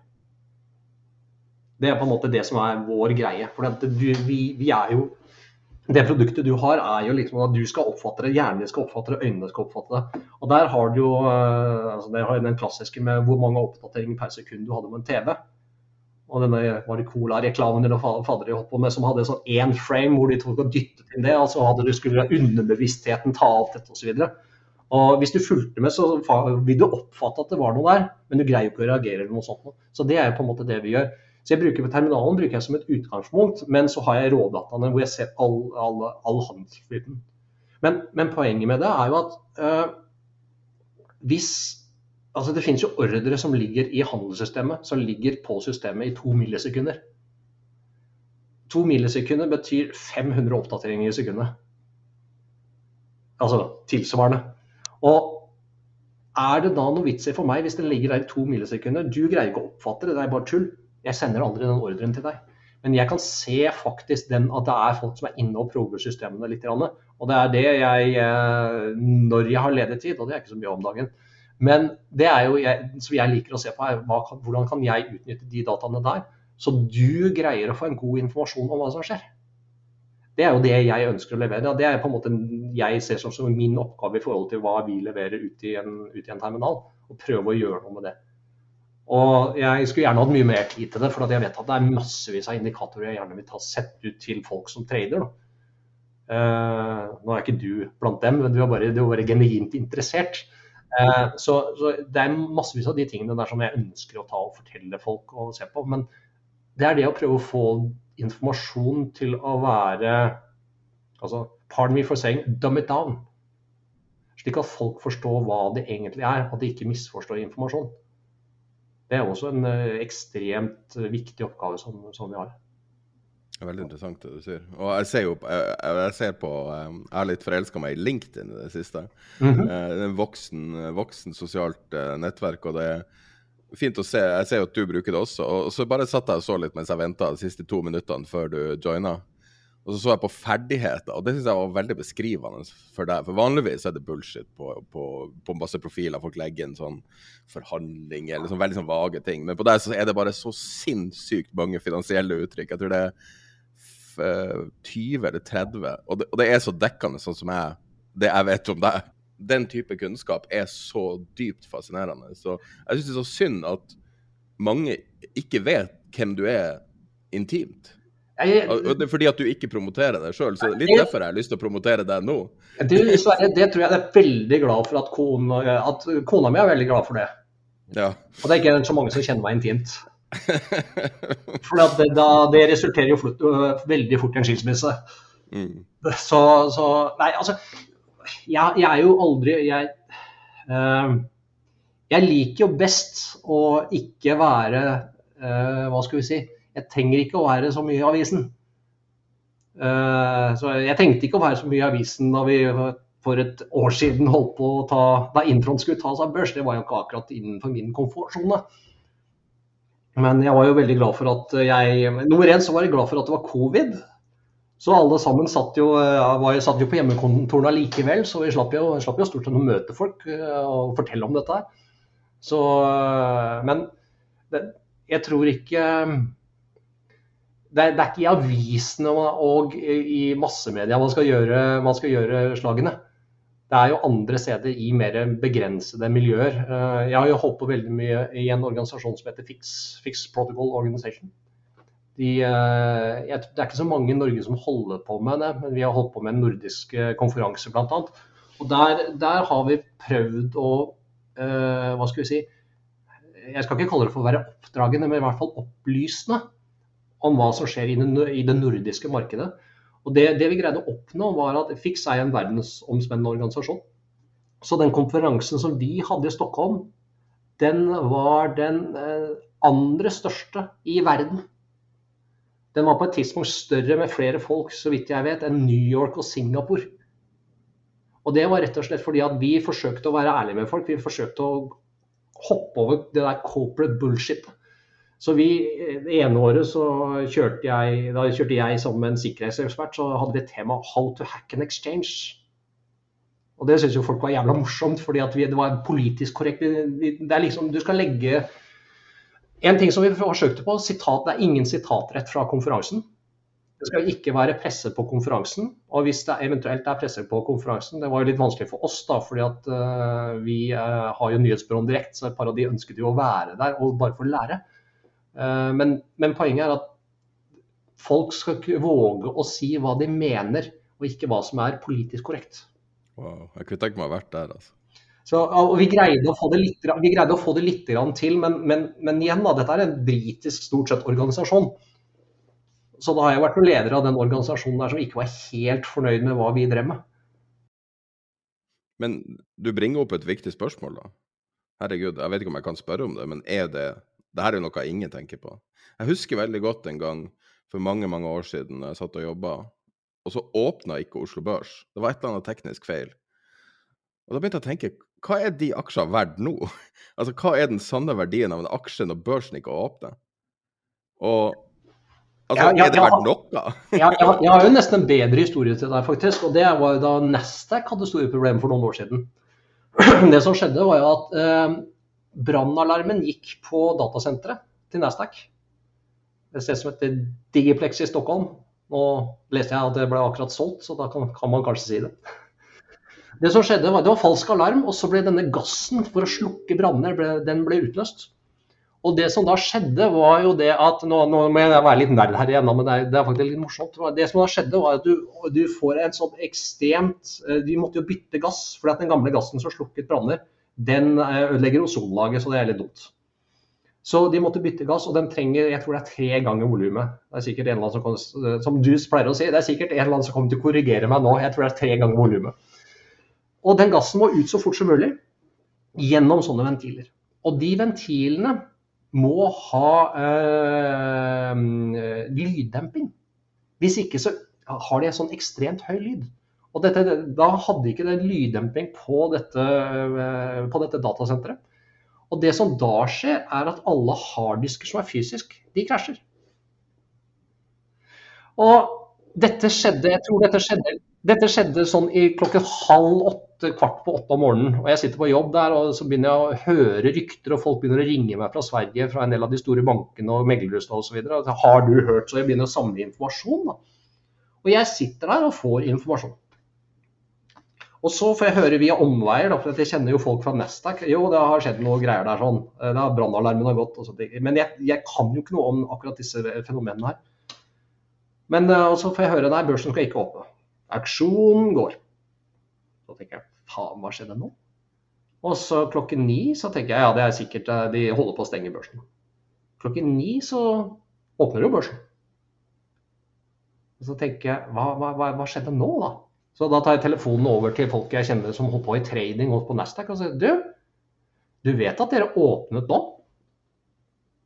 Så blir de jækla stille. Uh, nei. Jo, dere har åpnet så alt sammen trader og sånt, og alt er i orden. Så sier jeg nei, alt er ikke i orden. Så det viste seg det at Nasdaq de hadde mistet full kontroll på datasenteret. Så da, børssystemet er jo programmert, jeg skal bare åpne det. Så da de, da greide de, eh, av en eller annen grunn, så greide de å stenge børsen etter noe sånt som 17 minutter. Og jeg tror omtrent det var en kar som uh, tenkte at OK, nå bare skrur jeg av denne maskinen her, omtrent. Uh, og så måtte de reversere alle handlene, og så kom de opp igjen sånn ved tretiden. For at alt sammen måtte reverseres. Men der var det oppryddingsjobb en uke etterpå, for alt av harddisker og sånt hadde gått. Og det, det var det som skjedde, var at uh, alt, nå jobber jo alt sammen på SSD-disker. Altså det er ikke noe fysisk eh, lagringsmedium lenger, stort sett. Men alt som var av overvåkningssystemer, alt som hadde kontrollsystemer, hadde jo Nasdaq på hva vi kaller spiller, da, gamle harddisker. Og det var jeg nede. Funka ikke. Jesus. Jeg blir helt vettskremt av det. Og jeg tenker jeg, jeg, jeg sitter, jeg, Når jeg skal slappe av av og til, så bruker jeg å se på sånn datasentervideoer. Jeg vet ikke hvorfor. og jeg, jeg satte meg litt inn i datasenter, og, og det at det her er mulig å skje fordi at det, viktigste ordet som finnes i datasenter, er jo redundancy. Ja, så, at, at Nasdaq ikke har et helt datasenter-redundancy, er for meg et sjokk. Så, Sverre, hvor mange av dine psykologer har hoppet ut gjennom vinduet når du forteller den historien? Ja, men det er noe avslappende med datasenter. Jeg vet ikke hva det er. Altså. Det, det, det, det, jo, en, det, finnes en morsom video på YouTube for de som er, er interessert i det. Eh, da kan du søke på det. Det er, det er en kar som har et sånt eh, SAN-kabinett. SAN er egentlig massevis av harddisker som skal gjøre at det skal gå fort og stor lagring osv. Så, videre. så tar han og snur seg, så skriker han inn i salen. Og så ser du at svartidene går fra å ligge sånn lavt, eh, ja, vi er på videoen, og så, og så plutselig så går det rett opp i taket. Altså Svartidene er bare, det blir hundredoblet. Og så slutter han å skrike, og så, så skjelver det litt, og så går den ned igjen. Så det er den effekten, effekten der. Jo, men, men, alt sammen skulle jo for så vidt De skal jo ha full redundancy osv. Problemet var at de greide ikke å kontrollere det. Og det, fordi at de, må faktisk, de måtte faktisk si fra at nå skal vi over på DR-systemet, Disaster Recovery. Så de hadde problemer med å kontrollere hovedsiten sin. Og de hadde ikke noe automatikk for å gå over. og jeg, Det, er, det, er, det, høres, høres, litt rart ut, men, men sånn, sånn, ble det bare. Nei, det var fryktelig interessant. Det var bare så mye informasjon og så mye energi. Ja. Men da tror jeg kanskje vi runder av episoden der. Hvis du hørte denne episoden via vår Patrion-stream, så var den overkant av tre timer lang. Og da er det eh, liksom oppfylle det løftet om at vi skal fullføre det innholdet vi lager i den streamen. Og hvis du hørte denne episoden på vår vanlige podcast-stream, så er den litt over 1 time og 20 eller noe sånt, sånn som det alltid har vært. Men da runder vi av. Vi ses om ei uke.